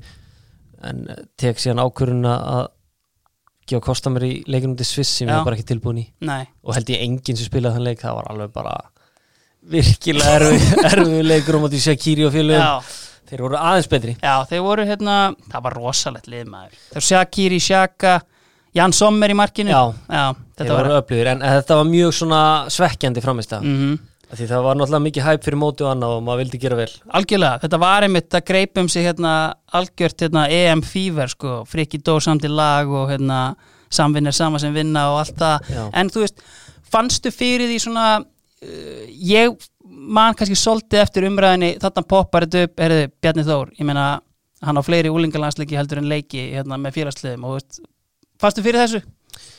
já, ég veit, hugsa maður um þetta ég minna, þú veist uh, Eða kannski svona að því að það búið að vera svo rosalega mikið hæp með þig frá því þú ferð bara ungur til Everton og ég meina á bekknum í Premier League mhm. og þarna kannski er þjóðin kannski að sjá því í fyrsta skipti og þá einmitt kannski kemur meittur og kannski Já, já. ekki standi og svona erfitt Uh, já, vandamáli náttúrulega líka eða vandamáli, svona faktun þarna líka eins og uh, náttúrulega tvö tímabili og tventi Já, slít crossband og holdingur þeir fara mjög varlega með þig já, þegar þetta gerist. Og var frá ykkur 14 mánuði. Já, plús ykkur 3-4 bara koma mér í stand. Já. Þannig að hérna uh, þarna fara bara tvö tímabil. Mm vandalega verið lánar þá eitthvað spilið með ykkur liði. Þá er Mhm. leikin eru fleiri. Já, en auðvitað finnum maður fyrir þessar umræðu og hún er alveg skiljanleg. Mhm en, en ekkit svo sem þú sagði áhrif á mig? Nei, nei, einmitt. Sko, ef við tölum aðeins um hérna sjálfmótið, þarna fræga. Sko, að því þar einmitt, ég kom inn á hann sko, eh, svona seleppin þarna Já. eru er það ekki sangjand að segja séu Rúrik og Arnúr Smára? Jú, mun er að Arnór hafður alveg bestur. Já, Arnúr Smára er svona gæi sem að, ég var bara að velta þessu fyrir mér einmitt, ég var að tjekka á þessi dag sko, hann er hérna, hann er reyndar, þú veist, ég held að hann kom eitthvað aðeins inn á, á hérna, en þetta er gaur sem er búin að vera sko, einhver 16 ári atvinnumennsku og og hann á veist, innan við 30 landsleiki veist, í venjulega árferði á svona gæi 70-80 landsleiki veist, alvöru góður leikmaður eða? ég meina Já. hann á leiki í hollensku eftirdildinni rúsnesku eftirdildinni og allir Skandinavíu sko. Arnór náttúrulega gífulega hæfileikaríkur Mm. uh, líka eitthvað meðsli sem að sett styrki reikninginu honum uh, náttúrulega fyrir okkar flugarnu í herifin og svona þá er hann bara tvítur sko. já, Já. og lendi síðan ykkur meðslum þar og annað en, kannski svona létt glemst í umræðinu upp á síkasti en, en virkilega öflug leikmaður og, og hérna, jú, hann var valin bestur á sjálfmótinu, Rúrik var ekki sáttu með það. En, en hérna kannski ég var enda fyrirlið landslis já, skoraðir. Já, þú og Anton Rúnarsson uh, Já. besti leikmaður Íslandsmeistara vals í handbólta já. já. með góð mörk hann það var alveg lið. Ég meina svona annur landsliðspæling uh, færiska landslið var þetta alvöru pæling hjá okkur bræðurum? Sko, Já, Davíð kannski búin að spila landsleik eða, eða þið báðir náttúrulega en Já. var eitthvað hægt að hérna, eða pælingar með þetta? Já, sko besta vit er að hérna, við fórum á fund með Lars já, á loftlið það var eitt skýrnustu fundur sem ég fara á en, en það er annar mál uh, ég var ekki alveg, þú veist, þetta var uh, þetta var meira Davíð sem var kannski að pæla í þessu en, en þetta var svona bara eitthvað aðeins að tjekka og aðtökundi reglum var. Nei, en þetta var mjög fyndið, Lars Olsen hann var með pípu á fundinum. Það var lobby neða veitingastöðan Já. og hann var alltaf einhvern veginn að reykja pípun og þetta var, ég náði engur sem sagði, ég var alltaf að horfa pípun og reykja sem það svo óþægilegt sko. Þannig hérna og síðan svona einhvern veginn hafði hann ekkert einhvern gífulegan áhuga á þessu sko. Ekki? nei, Nei. held ég ekki sko. En Nei. hann, þú veist, vildi samt hitt okkur og koma á leik og en hérna en ég held að ég uh, myndi ekki sjá mig öðru, öðrum búningaldur en íslenska. Nei, klálega. Herru, förum þá út í vangina Það er alveg umræða þar. Ja, Herru, fyrirgeðu, byrjum þetta kannski á þeim verst klædda í bóðu okkar manna í, í Súta Breykjavík í bólaltinu Er einhver tímann sem við bara lappa inn í klefan og bara svona já, hérna hér í er sem aða klæddur Já, það var, uh, það voru tvö ár held ég bara stanslös okkur með einasta degi. 2015 og 16, smá 2017 eða bara allt 2017 líka sem ég labbaði inn í klefan í Kaplagríka Já, og hugsaði með mér hvað er að frétta þessum gæja? Já, það var held ég hann átti mjög fáa góða daga í klæðaburði og hárið á hann líka og hann, já, hann verður eiginlega bara að taka þetta á sig og, og hann veit það. Já. Og ég held að það sé ekki mikið að svona, ég held að sé ekki að verða betra hjá honum en þetta fær Böðvar Böðvar Já. alveg. Hann kann ekki að klæða sig, Nei, og eins og við segjum, kannski erfitt að þróa sinn stíl í Pólandi í dag eða, eða svona Já, hann er líka dóldi kannski langt frá Varsjá og, og Já, einmitt þessum menningar borgum já, hann Já, hann er meiri í yðnaðan Já, yðnaðamaður og verstklætti uh, leikmaður, draumaleysins Böðvar Böðvarsson. Kannski aðeins bara um FH ég meina, sko síðasta tímabilið það er 2018 er það áttaða leikirnir hann eða er það Nei, það er 2017? 2017 Já, sko einhverja skoðun á því að Heimi Guðjóns að láta hann fara hann eða þú veist bara engin skoðun Sko, ég var rosalega lítið að pæla í þessu þá að því að ég var eiginlega bara sko, í hakki Já, ég var nýbúin í ykkur nýjaðakir hann Mm. tíundu nýjaðakir Já. en, en hérna og var bara reyna að jafna með þessi hann láti fara og Óli tekur við uh, heimir auðvitað magnaður fyrir FH uh, virkilega þægilegu þjálfari uh, hafði alltaf mikla trú á mér alltaf gott að koma heima að æfa með FH þegar ég var í sumafríum hana Mhm. uh, og reyndist mér vel þegar ég spila á Íslandi. Já. Auðvitað var svekkjandi að sjá hann fara, jú, ég vikinu það alveg. Mm en, en hérna einhvern veginn töldum en það vera rétt að múfið á þeim tíma. Diplo og gott svar. Herðu, færum okkur hérna færum okkur þá bara út á kantana. Uh, Þú mátt bara ráða á hvorum kantmannu þú byrjar hérna. Ef ekki að byrja hægra minn Jú, það er fínt. Það er hérna hægri kantari það er hérna sko það gæti til dæmis alveg hafa verið Já. eða Rúri Gíslason. Mhm. uh, náttúrulega ólst upp með þeim ég reynda að glemta að minnast á uh, minn góð vinn minn í Sönduríski núna, Egger Gunnþór, aftastur á miðunni hann hefur líka komið til greina. Mm virkilega þægilegur drengur. Uh, en hægri vangmaður uh, ætla ég að segja að því ég spilaði mikið í varalið Já, já, á minn tíma. Meiris í Silkeborg það voru frábæri leikir en uh, varaliðsmeistar í Hollandi. Já, og held ég endum ofalega í hérna Reserve League North í Englandi. En uh, Andy van de Meid kongurinn Sko gæði með massífa hæfileika en svona einhvern veginn bara svona sorgarsaga eftir hann fer frá Ajax og svona, þú veist hvernig, þú veist, maður bara les endalauðsan einhvern veginn vitleisins gang svona í kringum hann var þetta allt svona á rökum reist þarna hjá Everton? Já, ég svona þekkt hann líka dóldi verið, ég var með sama umbósmann hanna og, og hann á þessum tíma, Schild Mhm. Dekker Já, hollendingur með svona létt sítt hár, sleikt aftur alvöru hollendingur. Já, uh, en Van de Meite kemur og, og hann svona fyrsti dagur og þá bara mætir hann okkur gulum Ferrari. Allt í góði, það voru allir flottum bílum það var kannski ekki alveg stemmingin þarna á finn, nei, var, þetta var á hérna Belfield gamla það var ekki alveg stemming fyrir gulum Ferrari. Skoti þjálfari og svona, herði, næja, ok. Þá láti svona slæta. Hann kemur náttúrulega frá bara Inter Milan, þar sem hann er gjössanlega búin að floppa einhvern veginn. Og, veist, en var það að sjá að þarna væri floppari mættur eða kom hann einmitt bara veist, eins og segi, á gulum Ferrari ég er mættur hérna? Það var alveg þannig hann, hann, ég man ekki alveg, ég held að hann að byrja allt í lagi. Já, gott ef Eh, ekki. byrja ágætlega og svona en síðan fór þetta mjög fljótlega að var hann að sofi yfir sig. Eh, hann átti reyndar, hann átti alveg erfitt í, í sínu persónulífi, ég held að eh, minnir að dóttir hans hafi verið eitthvað langveik. Mm.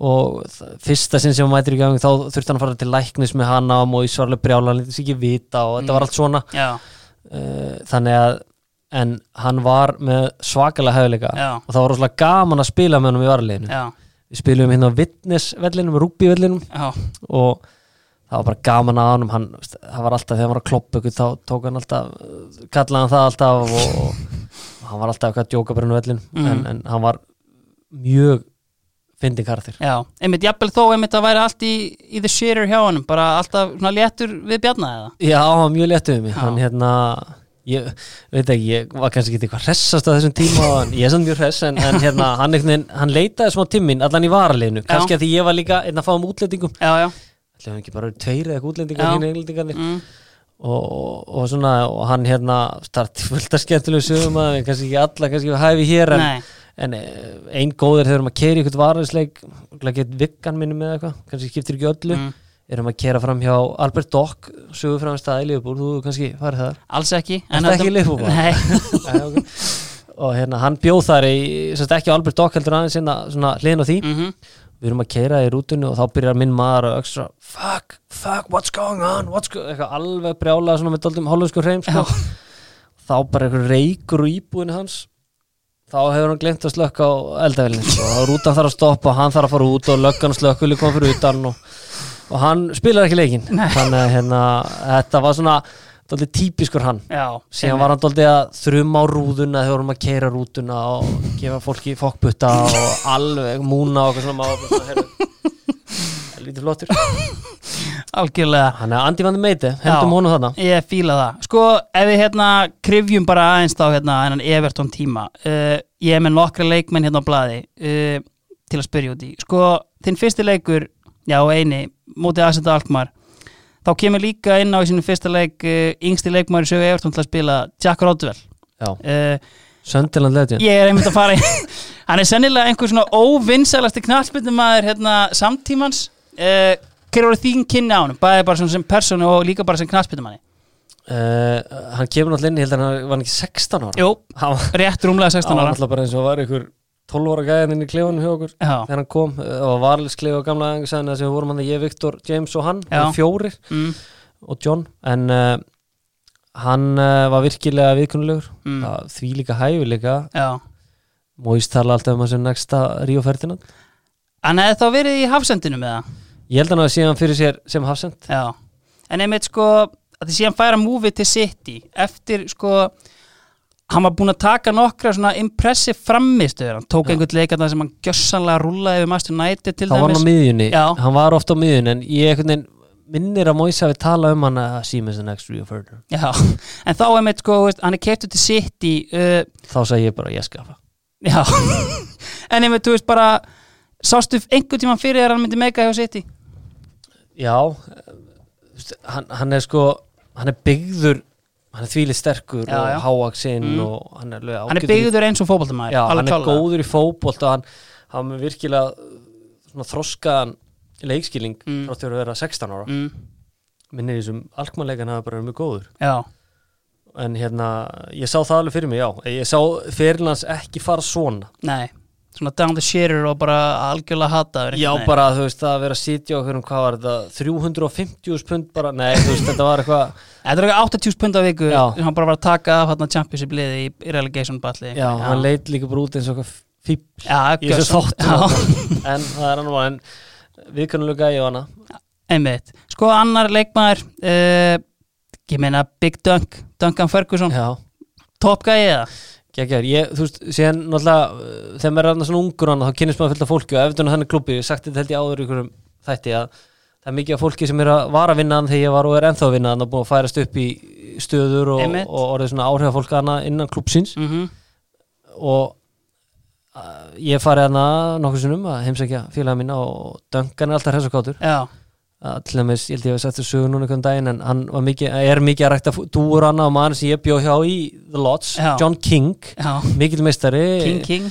Ég er í ágætt sambandi við hann og Linda Konunas, frábær. Uh, þau hérna voru, eða, hann var að sjá um dúurna fyrir hann. Já. Þannig að ég var John alltaf var að sjá um John dúfið var að sjá hans um, Ferguson. Já, hann var að gefa um að borða á kvöldin þetta Já. er svona veljuna dúur þetta sjáum þar og, og, og ég held að það sé ennþá að gera því minnir að ég hafi verið að tala við John upp á aðeingarsæði fyrir einhvern tveim árum. Já, og Duncan hann náttúrulega búin að vera hann í mörg ár nú að tala um hennar að þetta mæta sjarp klukkan 11 í kvöld að gefa þeim fóður það var mikilvægt, það var bara eitthvað svona já ok, En- að mannst eftir einhvern svona gjörsama trillinga. Hann fór í fangilsi já, já, hann gerði það. Sko, hérna, lendir einhvern veginn í því? Nei, sko hann var byrjar að æfa lítið þannig þegar ég var. já, en hann var oft að taka hemma hreyðas á þetta já, og taka sjúkaþjálun og fleia þeim eitthvað og svona, þetta var eitthvað algjör steipa sko. já. En hann var ekki mikið að viðbeinsbrjóta fólk En hvernig var hann svona við, þú veist, unga gæði sem kom inn? Var það bara hérna, þú veist, fuck off? Eða, veist, Nei, var hann, hann var mjög þægileg Já. hann var svona, þú veist, hann var miklu þægilegri heldur en Phil Neville, sko þannig að hann var bara, þú veist, hann er toppnáðingi, sko Já, svona, búist náttúrulega snert á þjálfun hérna áður en Ancelotti kom Sér það fyrir þessi þjálfara? Veist, Á þessu leveli Ég sá það fyrir mér að hann tók Móhus Kín út Ég, hérna mann ekki hvort ég var að lýsa Nei, ég held ég ekki, jú, nei, ég var ekki að lýsa henni en ég var bara vissi ekkert hvað hann að gera en hann hefur alveg, hann hefur alveg smá í þetta, sko, eða Já. mikið í þetta mm -hmm. kannski aðeins að, að róa sig og má ekki vera kannski finnst svona stundum eins og vilji vera of mikill maður fólksins Já, já, svona sína, að því að Everton er svona dóldi það á að hlaupa og já, já hefur verið á Guðsson Park Aldrei fara á ef þú fer á Park Guðsson Park Já. og þú veist, þóttu ykkur eigi ykkur þrjár, fjór sendingar sem er lélegar, þeim er alveg sama. Ef hann tekur bara sprettin og pressa markmanninn þá er allt brjála, þá bara þetta er okkar maður, Já, þannig að hérna hann má svona aðeins kannski dempa sér niður í svona eins og tók okkar bestamann Móskín út á hana. Já, algjörlega. Sko, annar þjálfari, Mikael Arteta Góð kynna honum. Já, uh, hann og núna á lendi þeir skutli mér oft heim, Já, miklir sprelligósar náttúrulega Arteta var náttúrulega búinn að fara þarna til Rangers og annað og kannski með svona hérna, ekki endilega en hann þú veist, náttúrulega kemur úr La Masia og annað en kannski ekki svona þessi típiski spænski fyrir þegar hann kemur til Everton. Þú veist, var það svona, þú veist kannski svona, þú veist, gæði sem bara svona embraceað að vera á Englandi og ég meina, komin aftur náttúrulega og búin, var þar heil lengi? Já, hann uh, svo sem ekki þegar hann var kiftur hann var örgulega bestu kaupa Evertón bara Já. hann og Tim Cahill í langa tíma. já, uh, kiftur lítinn pening og hann alltaf, sem gerir fyrir klubbi var alltaf magna Mhm. hann var frábær, hann svona kannski eitthvað þessi típiski spanski miðumar, hann var svona, ég veit ekki hann notaði líka maður mjög vel og annað mm Mhm. skilja bolta Já. og en bara drullu góður í fótbolta mm annar gæi sem að ég hérna held alltaf að erði ógeðslega góður en einhvern veginn svona ég veit ekki alveg hvað gerir þannig ennþá að spila uh, Manuel Fernandes uh, Portugali sem kom á láni til. Everton, maður eftir hann? Já. 37 já, já, annar gæi sem að kom og, og pakkaði United saman reyndar áður en að koma ótrúlega comeback og, og United kláruði titilin en þú veist, alvöru þú veist, hérna uh, manstu bara þegar hann kom að æfingu bara, þú veist, var þetta það talent sem að ég sá hann Já, hann var geggjaður, ég Já. bara, þú segir þegar hann kom á æfingu já, þá bara, já, hann 5-5, 4-4 bara, var allir legur með honum í lið hann var bara frábær. Hann, minnir hann að koma í fyrsta láni? Já, þá var hann geggjaður, já. Kom hann ekki síðan aftur? Hann kom aftur á Já, láni. þá var hann ekkit sko, það, Nei, það það var ekki það- alveg saman leikmaður. Nei, og ég veist, hann var keftur sko, hérna, hann var hjá Benfica. Og hérna, og þar hérna þaðan er hann fenginn til Portsmouth einhvern veginn, þar sem hann gerir ekkert. Og er þar lánaður til Everton, þar sem hann einmitt er geggjar, Já. þarna veturinn eða sett vorið 2007 og síðan endar hann á, sko, hann, hann var með Rústlandi og var síðan mér til mikill ránaði poppaðar aftur upp í portugalska landslið, ég vona bara að það haldi áfram, ég er mikill en aðdáðan hann var, hann var uh, alveg talent. Já, klálega Herðu, uh, ég ætla bara að sjá hvað þessi tæmdir hérna með uh, Everton leikmenn. Náttúrulega góðsögnin Tony Hibbert. Er hann sko hann, veist, One Club Legend og, og allt svoleiðis en, veist, hvort var þetta svona meiri trúður eða svona alvöru svona, veist, bara svona, virkilega svona virðing borin fyrir honum hann hann uh, Hippo, vinnu minn. Já, alltaf vera, ta taka nicknum já, nöðsynlegt hann uh, virkilega rólegur maður, Já, sagði ekki mikið. Næ mætti bara og gera sitt og fór sér heim. Þetta er einmitt svona mín tilfinning að hann bara svona- hefði, afsaka, hann hefði getað verið líka einna vestklæti Já, hann var hræðilur, en næ- næri ekki bötta samt alveg. Nei, nákvæmlega. Herðu, uh, hinn vængurinn Hvað við að bjóða på þar? ég ætla að henda öðrum félaginu og varliðinu já, í Hollandi já, þar sem við erum mestara saman í varliðinu Markaður Nautovits já, Víni Slatan já, einmitt. Annar svona sem að kannski ekki sá vinsælasti hjá hérna, meðspilunum sínum, en þú veist, ég menna þarna er hann uh, ungur og vantarlega vel erfiður hérna í 20 Já, hann var uh, vel erfiður uh, þarna þú veist, þetta var ekki komið bílpró, ég veit ekki mér veist, ég lenda þetta oft í að þurfa að skuttla mönnum hana en allavega ég veist að skuttla honum alltaf heim. Mm. uh, hann var létturinn á mill en stundum var hann bara, heyrðu, hvað er að frétta honum í dag? Ég held að hann hafi ákveð stundum að vera já, ég held að hann hafi verið að, að svona að fílu sig fyrir að slata hann fyrir sér. Já, og ég held að hann hafi alltaf að vera eins og hann. Já, já, já. og bara búin að gera fína fyrir fyrir sig. Já, og líka auðvitað kallaði The Bad Boy of Austrian Football. Uh, var að gera góða hluti síðan hjá Vestham og Kimverðin vildi sækja hann og hann ákvaði auðvitað að skrifa undir nýjan samningu Vestham trúr sínum mönnum þáði, þáði góða launahækkun. Fjórum mánuðin setna rókindi Kína skelli hlægandi með stútfulla tösku á seðlum. Síðan er hann auðvitað með hann aflitað topp uh, sannur hvítur refur og það er því ljóst að refur draumaliðsins hjá Bjarnathór er Marko Arnautovic í bóði White Fox og Skruf albestu nikotín púða landsins. En þú veist, einmitt svona þú veist, myndur þú klassið var hans að topp mann eða? Uh, nei, ekki toppmann en, en hérna ágæti stráku sko ég, hérna, svona Eftir, þetta, er, þetta er bara frontur. Er já, það, þetta, þetta er bara frontur hann, þú veist, síðan var hann bara þú veist, eins og uh, já, með, hérna konu mín, eða kæristun í dag unnustan, Dóra Sif, hún var oft með mér í, í bíl hann í Hollandi og annað og hann var hann var náttúrulega bara eins og ljúfið sem lamp þegar hann var að tala á hana sko, Já, já, en, en eins og segir, allt hann að frontur Já, þegar hann hérna var að tala við mig um eitthvað, þú veist, aðalkallin í þessu hinnu, en, en kannski var það líka sem hafði áhrif á hann, hann var með leiðilegasta aðstöðuþálar í heimi, Já, mjög erfiðu maður já, sem hefur sann náð langt, Erik Ten Hag. Já, þjálfari Ajax í dag. þjálfur Ajax í dag uh, var aðstöðþjálfur tventi þarna sá var erfur og ég held að Marko er daldið svona Í látið líka uppreisn, þetta já. Já, hann var í Já. hana gegn uh, Erik. Einmitt. Þú fer hann til 20 uh, þú fer fyrst á láni, er það ekki? Nei, ég er, þetta var smá fiff sko. Já. Óli Garðars kannski að koma inn í Nei, þannig að Síl Dekker mætti. Já, já, Það var já, smá fiff hjá Sílarann sko. Já, En Arna bróði var einmitt hjá 20 þessum tíma sko. En fyrir hann stöðu setna En allan þá er þetta eitthvað, ég veit ekki okkur stendur lán. Ég uh, fór bara þanga Já. og keftir okkur pinkluti penning minni mig. Mm og bara mættur. Já. Sko, mistök að einhverju leiti að Já, bara reysa mistök sko. Bara, bara, þannig er þú veist óþólumóður uh, verið ekki að fá fleiri tæki fyrir samt nýkomin inn á í minn fyrsta leik og annað. Já, uh, það er nákvæmlega málið. Þetta er hérna, ferð þú tvítur ekki, jú, ég sp- 2008 jú, ég spil í desember. Já, og síðan þetta bara farin já, kannski þarna líka sko uh, einhvern veginn uh, það var ekki Jú, jú, það voru peningaspilu þarna smá hlutin Mm. áttu smá þátt í þessu. Mm.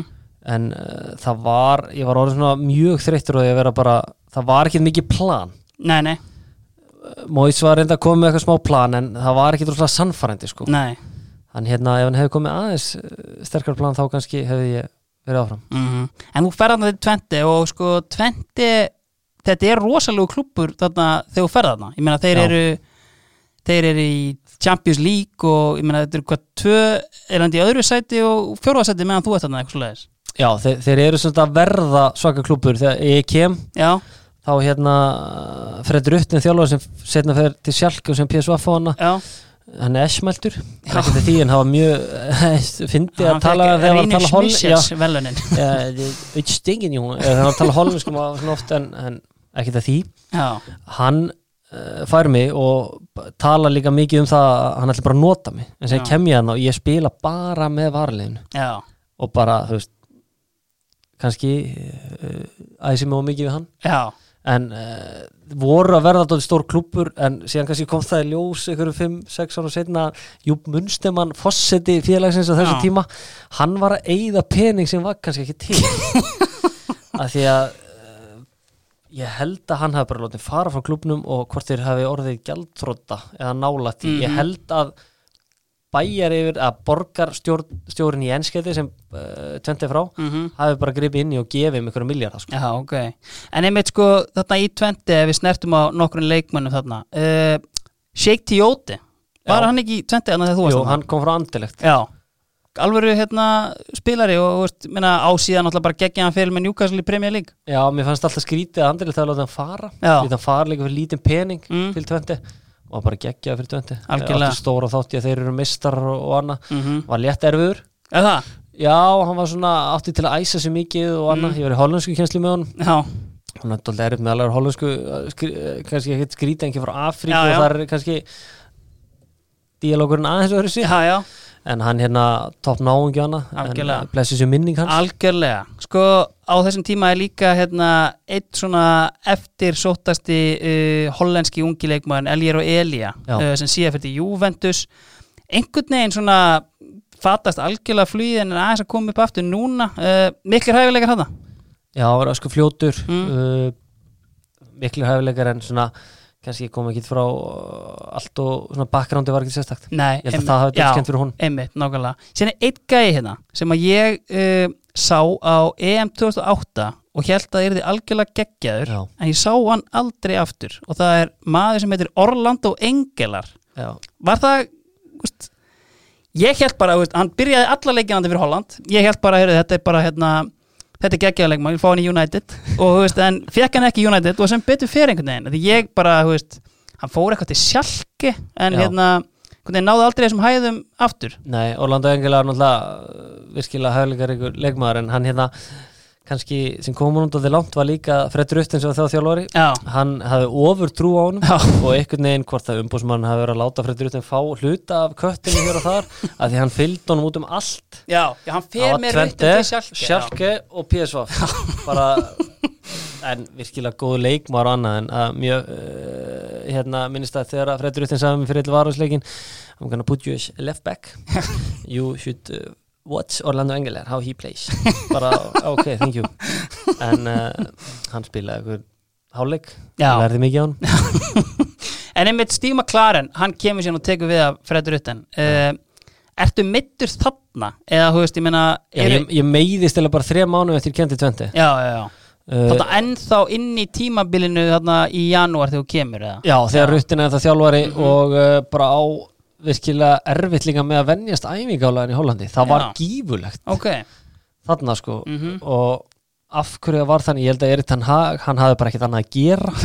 Hann var aldrei heima sem var alltaf på velli. Það var alveg sama hvað uh, hann svaf stundum á velli.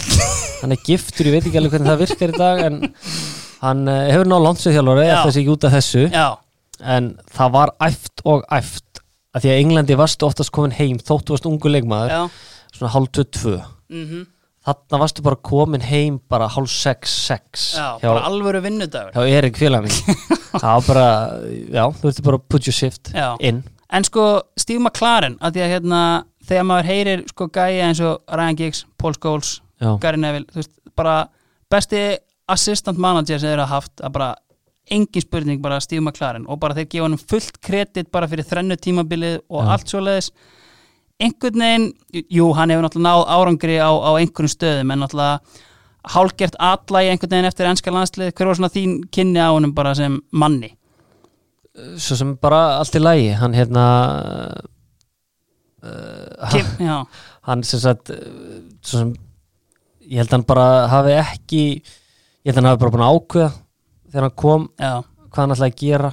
Uh, hann ætlaði að koma hann í eitt, tvö ár Já. hann ætlaði að gera á meisturum. Já, hann ætlaði að eyða pening og hann eytti fullt af pening en það var þessi peningur ekki til sko. en það kemur það í ljós bara hann stuttu setna mm, og það var ekkert pláss fyrir mig ég var búin að frá ykkur 14 mánuði til Já. 2 ára að koma eitthvað hann inn í þetta mm. -hmm. Sheik Dióti og Kenneth Peres Dana hérna miðunni já, Tíu Janssen sem var setna til Já. Ajax Mhm. uh, síðan voru ykkur fleiri, ég man ekki alveg hvernig það mhm, var þannig að þetta var svona já, frekar erfitt en, en ágætis maður maklarinn og allt það en svona var ekki eitthvað frábær fyrirmynd sko, hann átti líka verið í hollenskunni með mér og Sheik, Já. hann mætt aldrei. En síðan var hann alltaf að ringi okkur. Ég ættu show up, ég ættu show up. Þannig hérna en uh, fínt að vera í hollensku tímanum já. En einmitt svona, veist, kannski veist, eins og ég er að koma inn á einhvern veginn svona, veist, geggjaður hérna hjá Paul Scholes og félögum en einhvern veginn svona, veist, kemur á óvart einhvern veginn, hvernig svona fyrirlin hans hefur panast einhvern veginn og gengur ekkert upp hjá honum einhvern veginn Já, uh, sko hann auðvitað gerði mjög fína hluti með það, hann gerði það á misturum með þetta eina skipti 2010 Já, uh, fer sér til Wolfsburg minni mig. Mm, og uh, ég held bara einhvern veginn að sjálfstöðu hafi verið ómikið hjá hann já, hann hafi haldið hann hann var ekki, hann var ekki eins og Ten Hag sko, nei, hann var ekki alltaf på velli. Nei. Uh, og ég held að hann hafi bara fungerað betur í United sem alltaf á velli alveg skil út á velli, gera hitt og þetta. Já, að því að svona, ég veit ekki, sem knaspinstjóri hann var ekki menn bara alveg virðingu fyrir honum en svona, held ég kannski að þegar hann fótti Vúlsburg þá svona einhvern veginn Þa, það held ég að þeir séu að tala um Já, og já, já, það var já. frábæra glúta á Já. gefa hann ráð og annað. Hann svona aldrei misti það. Ég skil, já. Og svona held þeir, ég er hann kannski aðeins stærri en, en Já, svona þarf ekki að halda áfram að leggja inn þessa shift sem að hérna var að gera og það Herðu, við yppum okkur þá bara hérna upp í sóknarlínuna. Uh, Margir á blaði uh, Hvernig eigum við að taka hérna Bjarni? Já, þetta eru margir, margir sem að ekki skora mikið. Nei, þetta eru margir leikmenn uh, sem við getum klassifæða sem sóknarmæðurinn duglegi sem að því er hann skorar engin mörk einhvern veginn, hann spila fullt af leikjum. Sko ef við byrjum kannski bara á hérna viniðinum úr úlingaliðinu Viktor Anni Já, þú veist það er gæði sem hefur ekkert skorað. Og einhvern veginn ég held að sé bara nánast einhvern veginn hættur bara í dag eða? Já, hann, hann geggja, ég er ekki miklu sambandið hann þótt ég hef búið með hann lengi Já. en hann er alltaf að kommenta á Instagram með okkur á Evertón Já. en mér finnst það fylgjast með. Og hérna, en hann, það er rétt þér, hann hefur ekki skorað mikið en hann er frábær, að var frábær því eh, að halda boltanum uppi. Þvílitt body. Já, já, og hann var uh, mikið unni með honum í því að hérna, gera hann þannig target center. Er þetta, þú veist, að því að maður pælir oft í svona, þú veist gæjum sem einhvern veginn, ég horfa á það bara um helgar og þú veist, hann gerir ekki neitt fyrir mig en það ég er bara einhver gómur að fylgjast með. En þú veist, síðan inn á æfingasvæðinu þá svona skinjar bara eru þjálfarinn bara dýrkar hann að gæja þó að ég sé ekkert hvað hann er að gera Já, ég held að sé, þetta sé mjög góð búntið þér. Ég hérna, uh, móist alltaf dyrkaðan fyrir þetta? Já, að geta spila svona ákveðin uh, leikstíl með hann hann að fremstan. Mhm, og svona kannski öðru seldinu með, með James Beattie svona, sem með leikunum áfram Andy Johnson sem var bara að hlaupa djúft og mhm. uh, Ferguson kannski konu sín setni ár meira kannski svona en, en að geta bara fengið hann í lappinnar, hann gætt haldið honum það var alveg sammáttur í og Ferdinand var á honum ekki sko þegar hann var komin í lið Já, hann held þessu mönnum frá sér, Já. Vittits já, já, uh, United menn, hann náði að halda það frá sér og liðið gætt fært sér upp. Mm. ég held að það hafi verið pælingin. Kannski þarna að hann hafi setna á ferlunum farið það að halda að hann væri of góður. Já. Og svona, ég ætla að fara að snúa með hann. Nei, haldu bara við þetta Já. eins og Dave McGoldrick er að gera í dag. Já,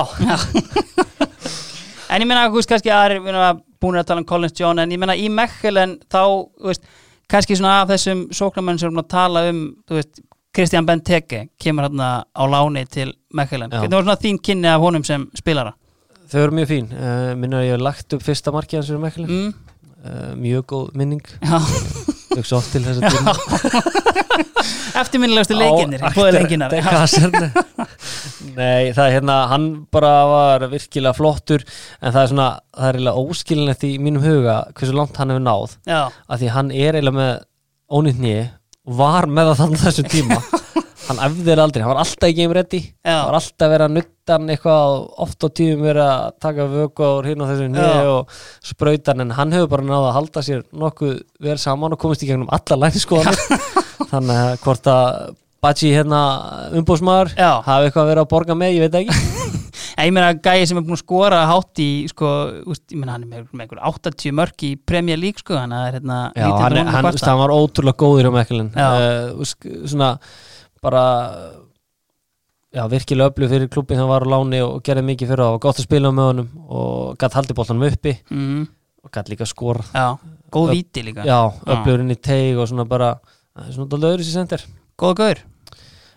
já, eh, mjög fín en hann vildi bara tala þessu tíma þannig að það var létt erfitt. Það var það er bíðan Sko, annar, ef- fyrst við tölum um Ani Tjepe, hefur spilað náttúrulega með uh, yngsta markaskorara í sögu Premier League James Vaughan sem að svona einhvern veginn gott ef hann var ekki líka í Sönderland þáttunum einhvern veginn svona komin hann í balva bras Hann fór frá borðið en svona, veist, þessi gæjar á náttúrulega mikið með á látið einhvern veginn og veist, sérstaklega Vohan náttúrulega mjög fljótur einhvern veginn og hérna, en svona einhvern veginn sást þú, þú veist, helst þú að þessi menn myndi ná lengra? Já, ég bjóð svo sem alveg við því. Þeir náttúrulega eh, voru svaka talent og voru góðir báðir, eins og segir voru kraftur í þeim, sterkir. Uh, en kannski svona meikuðu og snemma. Já, og kannski eins og komst inn á með hann í tjepi einhvern veginn of mikil trúa sjálfum sér á tímabili. Já, og James líka, eða meiri á James. Já, Eh, svona en uh, James auðvitað lendir í því að hann uh, lendir í einhverjum hér vesinni, Já. ég bara búin að tala um hér Já það er bara mjög fínt. Uh, en hann eh, var byrjaðar því þegar hann var tvítur og fljóti bandarækjan til Colorado og hann byrjaði að senda þangað til hann var Dr. Stedman Já, sko. kongurinn Já, það var aðeins verið að taka poti í brjóskið. Og, og það er svona, þegar byrjaði því snemma þá var það kannski ekkert nei, ekkert rosalega gott. Nei. Ef við kannski siglum aðeins inn í svona þína held ég dimmustu dali í Silkeborg í, í Danmark að ræða það? Já, aðeins bara. Sko, meina Já, hérna, þú ferð frá Mechelen til Silkeborg. Já. Sko það hljóta að vera ennþá stærri mistökinn að var til 20 Ég var að fá mér eitt sopa hérna Sko uh, Var, var eitthvað í bóði annað? Uh, Já, það var alveg fullt, eða fullt, það var alveg eitthvað í bóði mm. Náttúrulega enn og aftur hann er ég að koma úr aðgerð. Já, í Mekkelen uh, Svo það voru kannski rísa mistök að fara til Mekkelen svona uh, ef ég horfði tilbaka en, en svona eftir og heikja kannski hefur þetta að gera hlutin aðeins öðru sig já, og kannski aðeins ræða betur við þjálfan eins og ég sagði á hann en, en, hérna, en það voru að fara til kannski, ég hefði aldrei átt að fara frá Belgíu. Nei.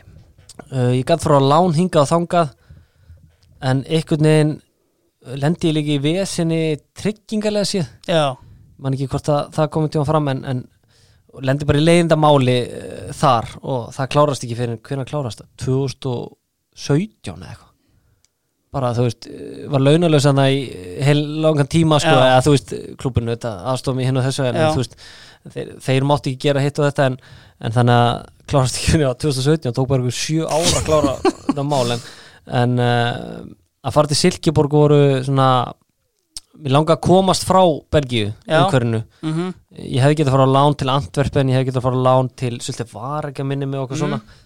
Og kannski hefði það verið sniðugt en, Mhm. en hérna fyrir til Silkeborg. Peg Knudsen sem er sportchef uh, þar hérna var búinn að reyna að fá mig ofta áður. Segja á láni þegar ég var hjá Evertón ok hann, hann var gæðin sem fekk Hólmar Örn og hörð, nei, Hörð hérna uh, frá Keflæk og Hör uh, Hörð Sveinsson og Já. hérna Bjarn Ólaf, nafna minn. Mhm, hann fær þá og svona og hérna eh, hafði virkilega mikið náða að fá mig uh, sem var þjálfari þarna á þessum tíma Kjell Bóninga já. sem var 21 og slands þegar við spilum við Dani. Já, hann hefði mikið náða að fá mig hann hreifsta leikmennu gegn Sviss.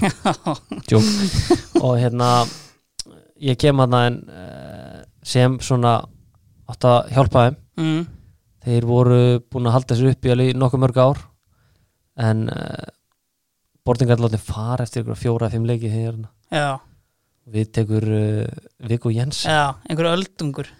Já sem hérna bara mikill félagi Lasse Olsen, ég held að Lasse Olsen hafi ekki hýlað mig út af því að en hérna til landsliður að fara. Já, en uh, Viggo Jensen var bara búin að ákveða hvernig, hverja hann nota. Hann nota held ég bara 11 leikmenn sem eftir var. Ég er ekki að grína sko. og fyrsti leikur sem hann er með þá talar hann við mig inn í gyminu og segir sé ekki já. Að ég sé of góður fyrir þetta lið og ég sé of dýr.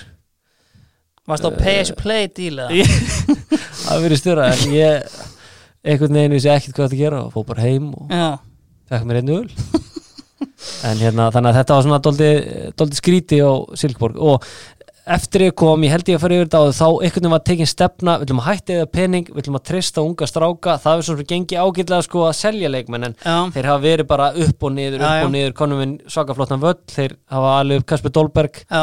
Robert Skó og eitthvað fleiri. Ég er svona ekki alveg hausnum á núna en mm -hmm. Tobi Salkvist, Salkvist Kongurinn Nei, en, en hérna það, það var svona, það var erfiðu tími. Mm -hmm. Að því að ég var líka bara 24 eða 50 Já. fyrranga Mm -hmm. og ég var í toppformi spila fyrstu leikin og fannst í ganga ágætlega sko, liðin ekki ekkert vel en sem kemur Viggo vinnu minn, við föllum. Sem einhver annar mestari við, Jesper Sörensen sem er aðstöð Brömbi núna. Mm ágætt skæi svo sem sko. En hann vill ekki nota mig. Ég er bara svona verist vera svona óviðkunnalegur en, og hann hérna, en ég ákvaði að vera að taka slægin sko og við förum upp. -hmm. vinnum fyrst tildina, Já, mikið afreg algjörlega. En þarna, sko að því einhvern veginn að ég var að koma inn á er bara svona, þú veist, þú veist þarna í Mechelen, kannski ekki að spila. Þetta er svo, þú veist ég var með Ólaf Inga hérna einu sinni Já, og hann sagði, já, algjör kongur. Hann sagði við mig, þú veist, að þegar hann fer frá, held ég, Englandi þá fer hann til Skandinavi til þess að hoppa tilbaka inn á meginlandið. Já, og ekki tilbaka, England er eiga en inn á, hoppa inn á meginlandi, þannig að þetta virkar svona, þú veist, hver er svona pælingin hjá þér veist, að þú ætlar ekki að spila með Silkeborg það sem eftir var? Nei þetta var bara nákvæmlega pælingin. Já, að fá leiki mhm, koma sér áttur í form líkanlega, uh, nýlega já, og ég var virkilega fitt hann í ykkur þrjú ár hjá þeim en fæ ykkur rönn í liðinu en það er alltaf ykkur fáranlegar skoðanir, afsakanir eða eitthvað tekin út í liðinu. Já. Þannig að hérna, uh, já. En ef við komum þá inn á bara fyrst við erum að tala um strækjara að þá er náttúrulega The Peacock, uh, smiðurinn Henrik Pedersen, Bolton Legendi það er svona uh, stærsta nafnið þarna í, í Silkeborg á þessum tíma. Er það ekki rétt hjá mér eða? geggjaður, Já. Henrik Tömrer Pedersen, það er annars sóknum að þessu skorar ekki mikið að mörgum en þú veist, hann er þarna orðin sko, hann er fættur 75, hann hefur verið Já. svona 36, 7 ára eitthvað já, en þegar hann spilaði þannig að þegar ég kom fyrst, Já. þá voru alltaf miklu betri já, hann gæti haldið boltanum uppi Mm, gæti ekki tekið nógu marga mínútur til að hjálpa okkur nógu mikið Mm. en virkilega það er að spila með honum. Hann sást bara, þú veist, þetta er gæði sem var í Premier League. Já, hann, hann svona kannski líka Viktor, hann var frábær í halda boltanum já, svona mannst ég eftir hann og boltan bara þegar hann held hann og allir að reyna að koma já. ógislega stór já, já, alltaf að, virka alltaf eins og hann væri aðeins og þéttur kannski, Ívan Kampo að lifta honum á hann.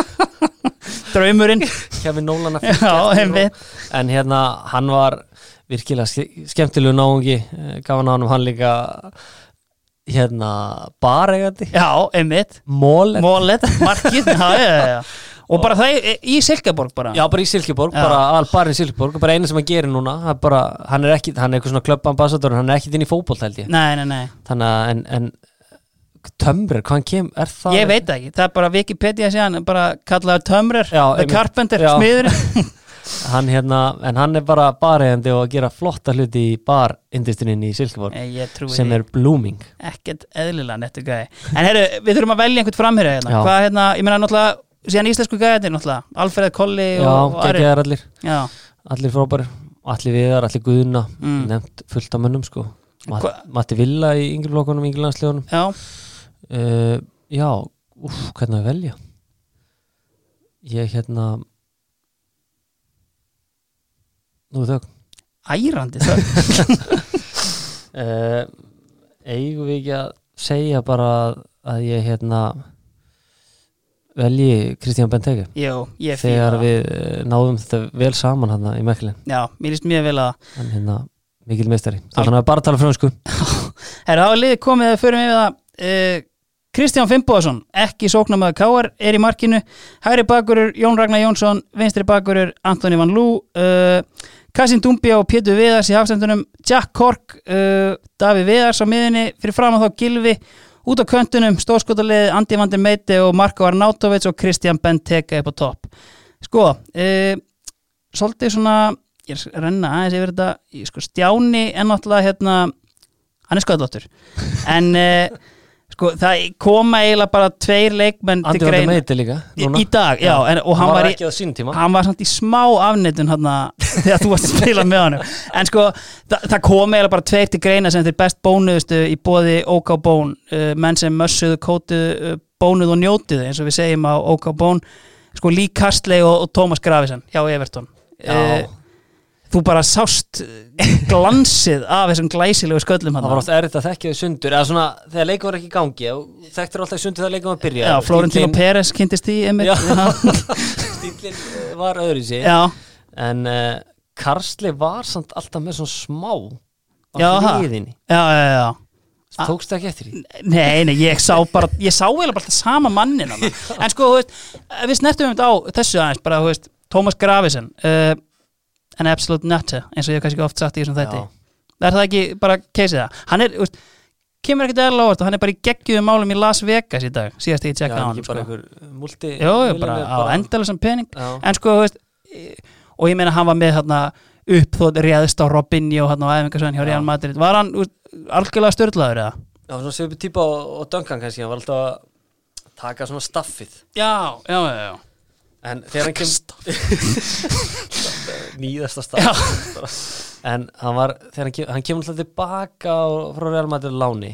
Já, hann var fótið Celtic held ég í millitíðinni. Já, ég var lítið Já. hann 2004 þá var ég alltaf bara í akademíinu Já. og varleginu mm þegar þeir ná hann ég var reyndar í Evertun og hluta þess að þeir náðu sínum besta já. en, en hann hérna uh, kemur tilbaka og er í vesinu minn hér sér. -hmm. og ég kem inn á alveg held ég nokkuð vissum það fyrir hann í mínum ennuleik gegn Asit Alkmaar Mm uh, á Afas stadion. Já, hann kemur út af. Og þá nýja hann bara svona fimmfald þannig hafa bara eitthvað, ekki, voru ekki eitthvað að ræða hætti hann hætti bara eftir þetta tímabil. Hann spilaði einhverja áttaleiki með Everton á þessu sísoni og bara til Vegas. Já, fór til Vegas Já. og fjárfesti og 32 ára eitthvað en hann var alveg vel bónaður sko. Það var bara mjög flott sko. já, glæsilegur. Að- En sko, oft talaði mitt um þennan þetta, er bara bull en þú veist, að Real Madrid hafa ætlað að taka Lee Carsley. Hversu góð leikmaður var Lee Carsley? uh, vanmetinn. Já, hann uh, bara skilaði alltaf sínu. Já. Frábær svona staðsetti, sig í, í varnarleik. Mm og já, uh, fína spynnudækni -hmm. en það spilur kannski ekki með Evertón eða Birmingham nema svo getur eitthvað sko. Nei, nákvæmlega. En hann hérna skora nú nokkuð mikilvæg mörg líka. Já, áttur algjörlega náttúrulega stóra hluta þessi 2004 tím Einmitt, nákvæmlega.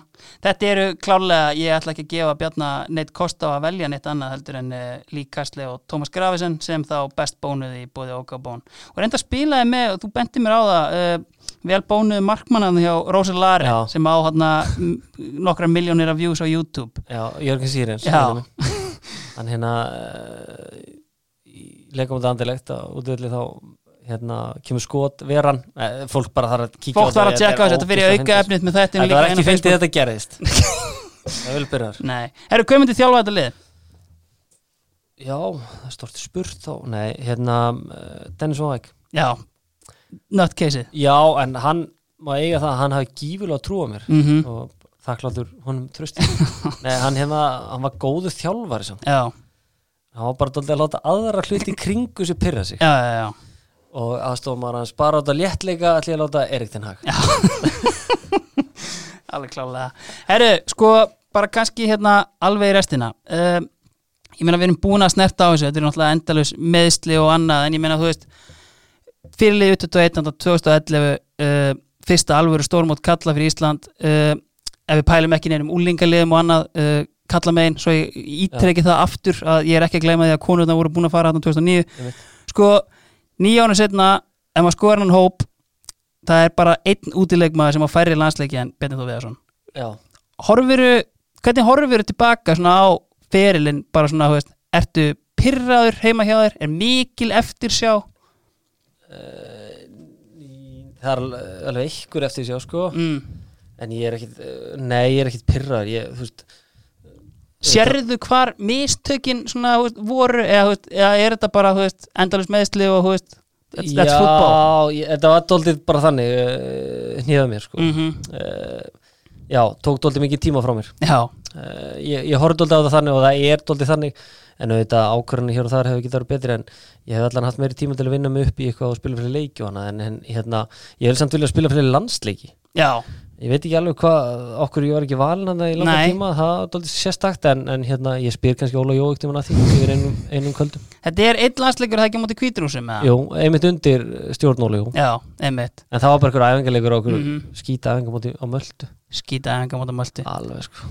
Það er orðið ógeðslega heitt hérna í stúdíónu Ég held að við séum bara tæmti Bjarni. Uh, Ég ætla bara að þakka að kella fyrir komuna í draumalið. Já, takk fyrir mig. Þjóðlust á draumalið í búið lenginar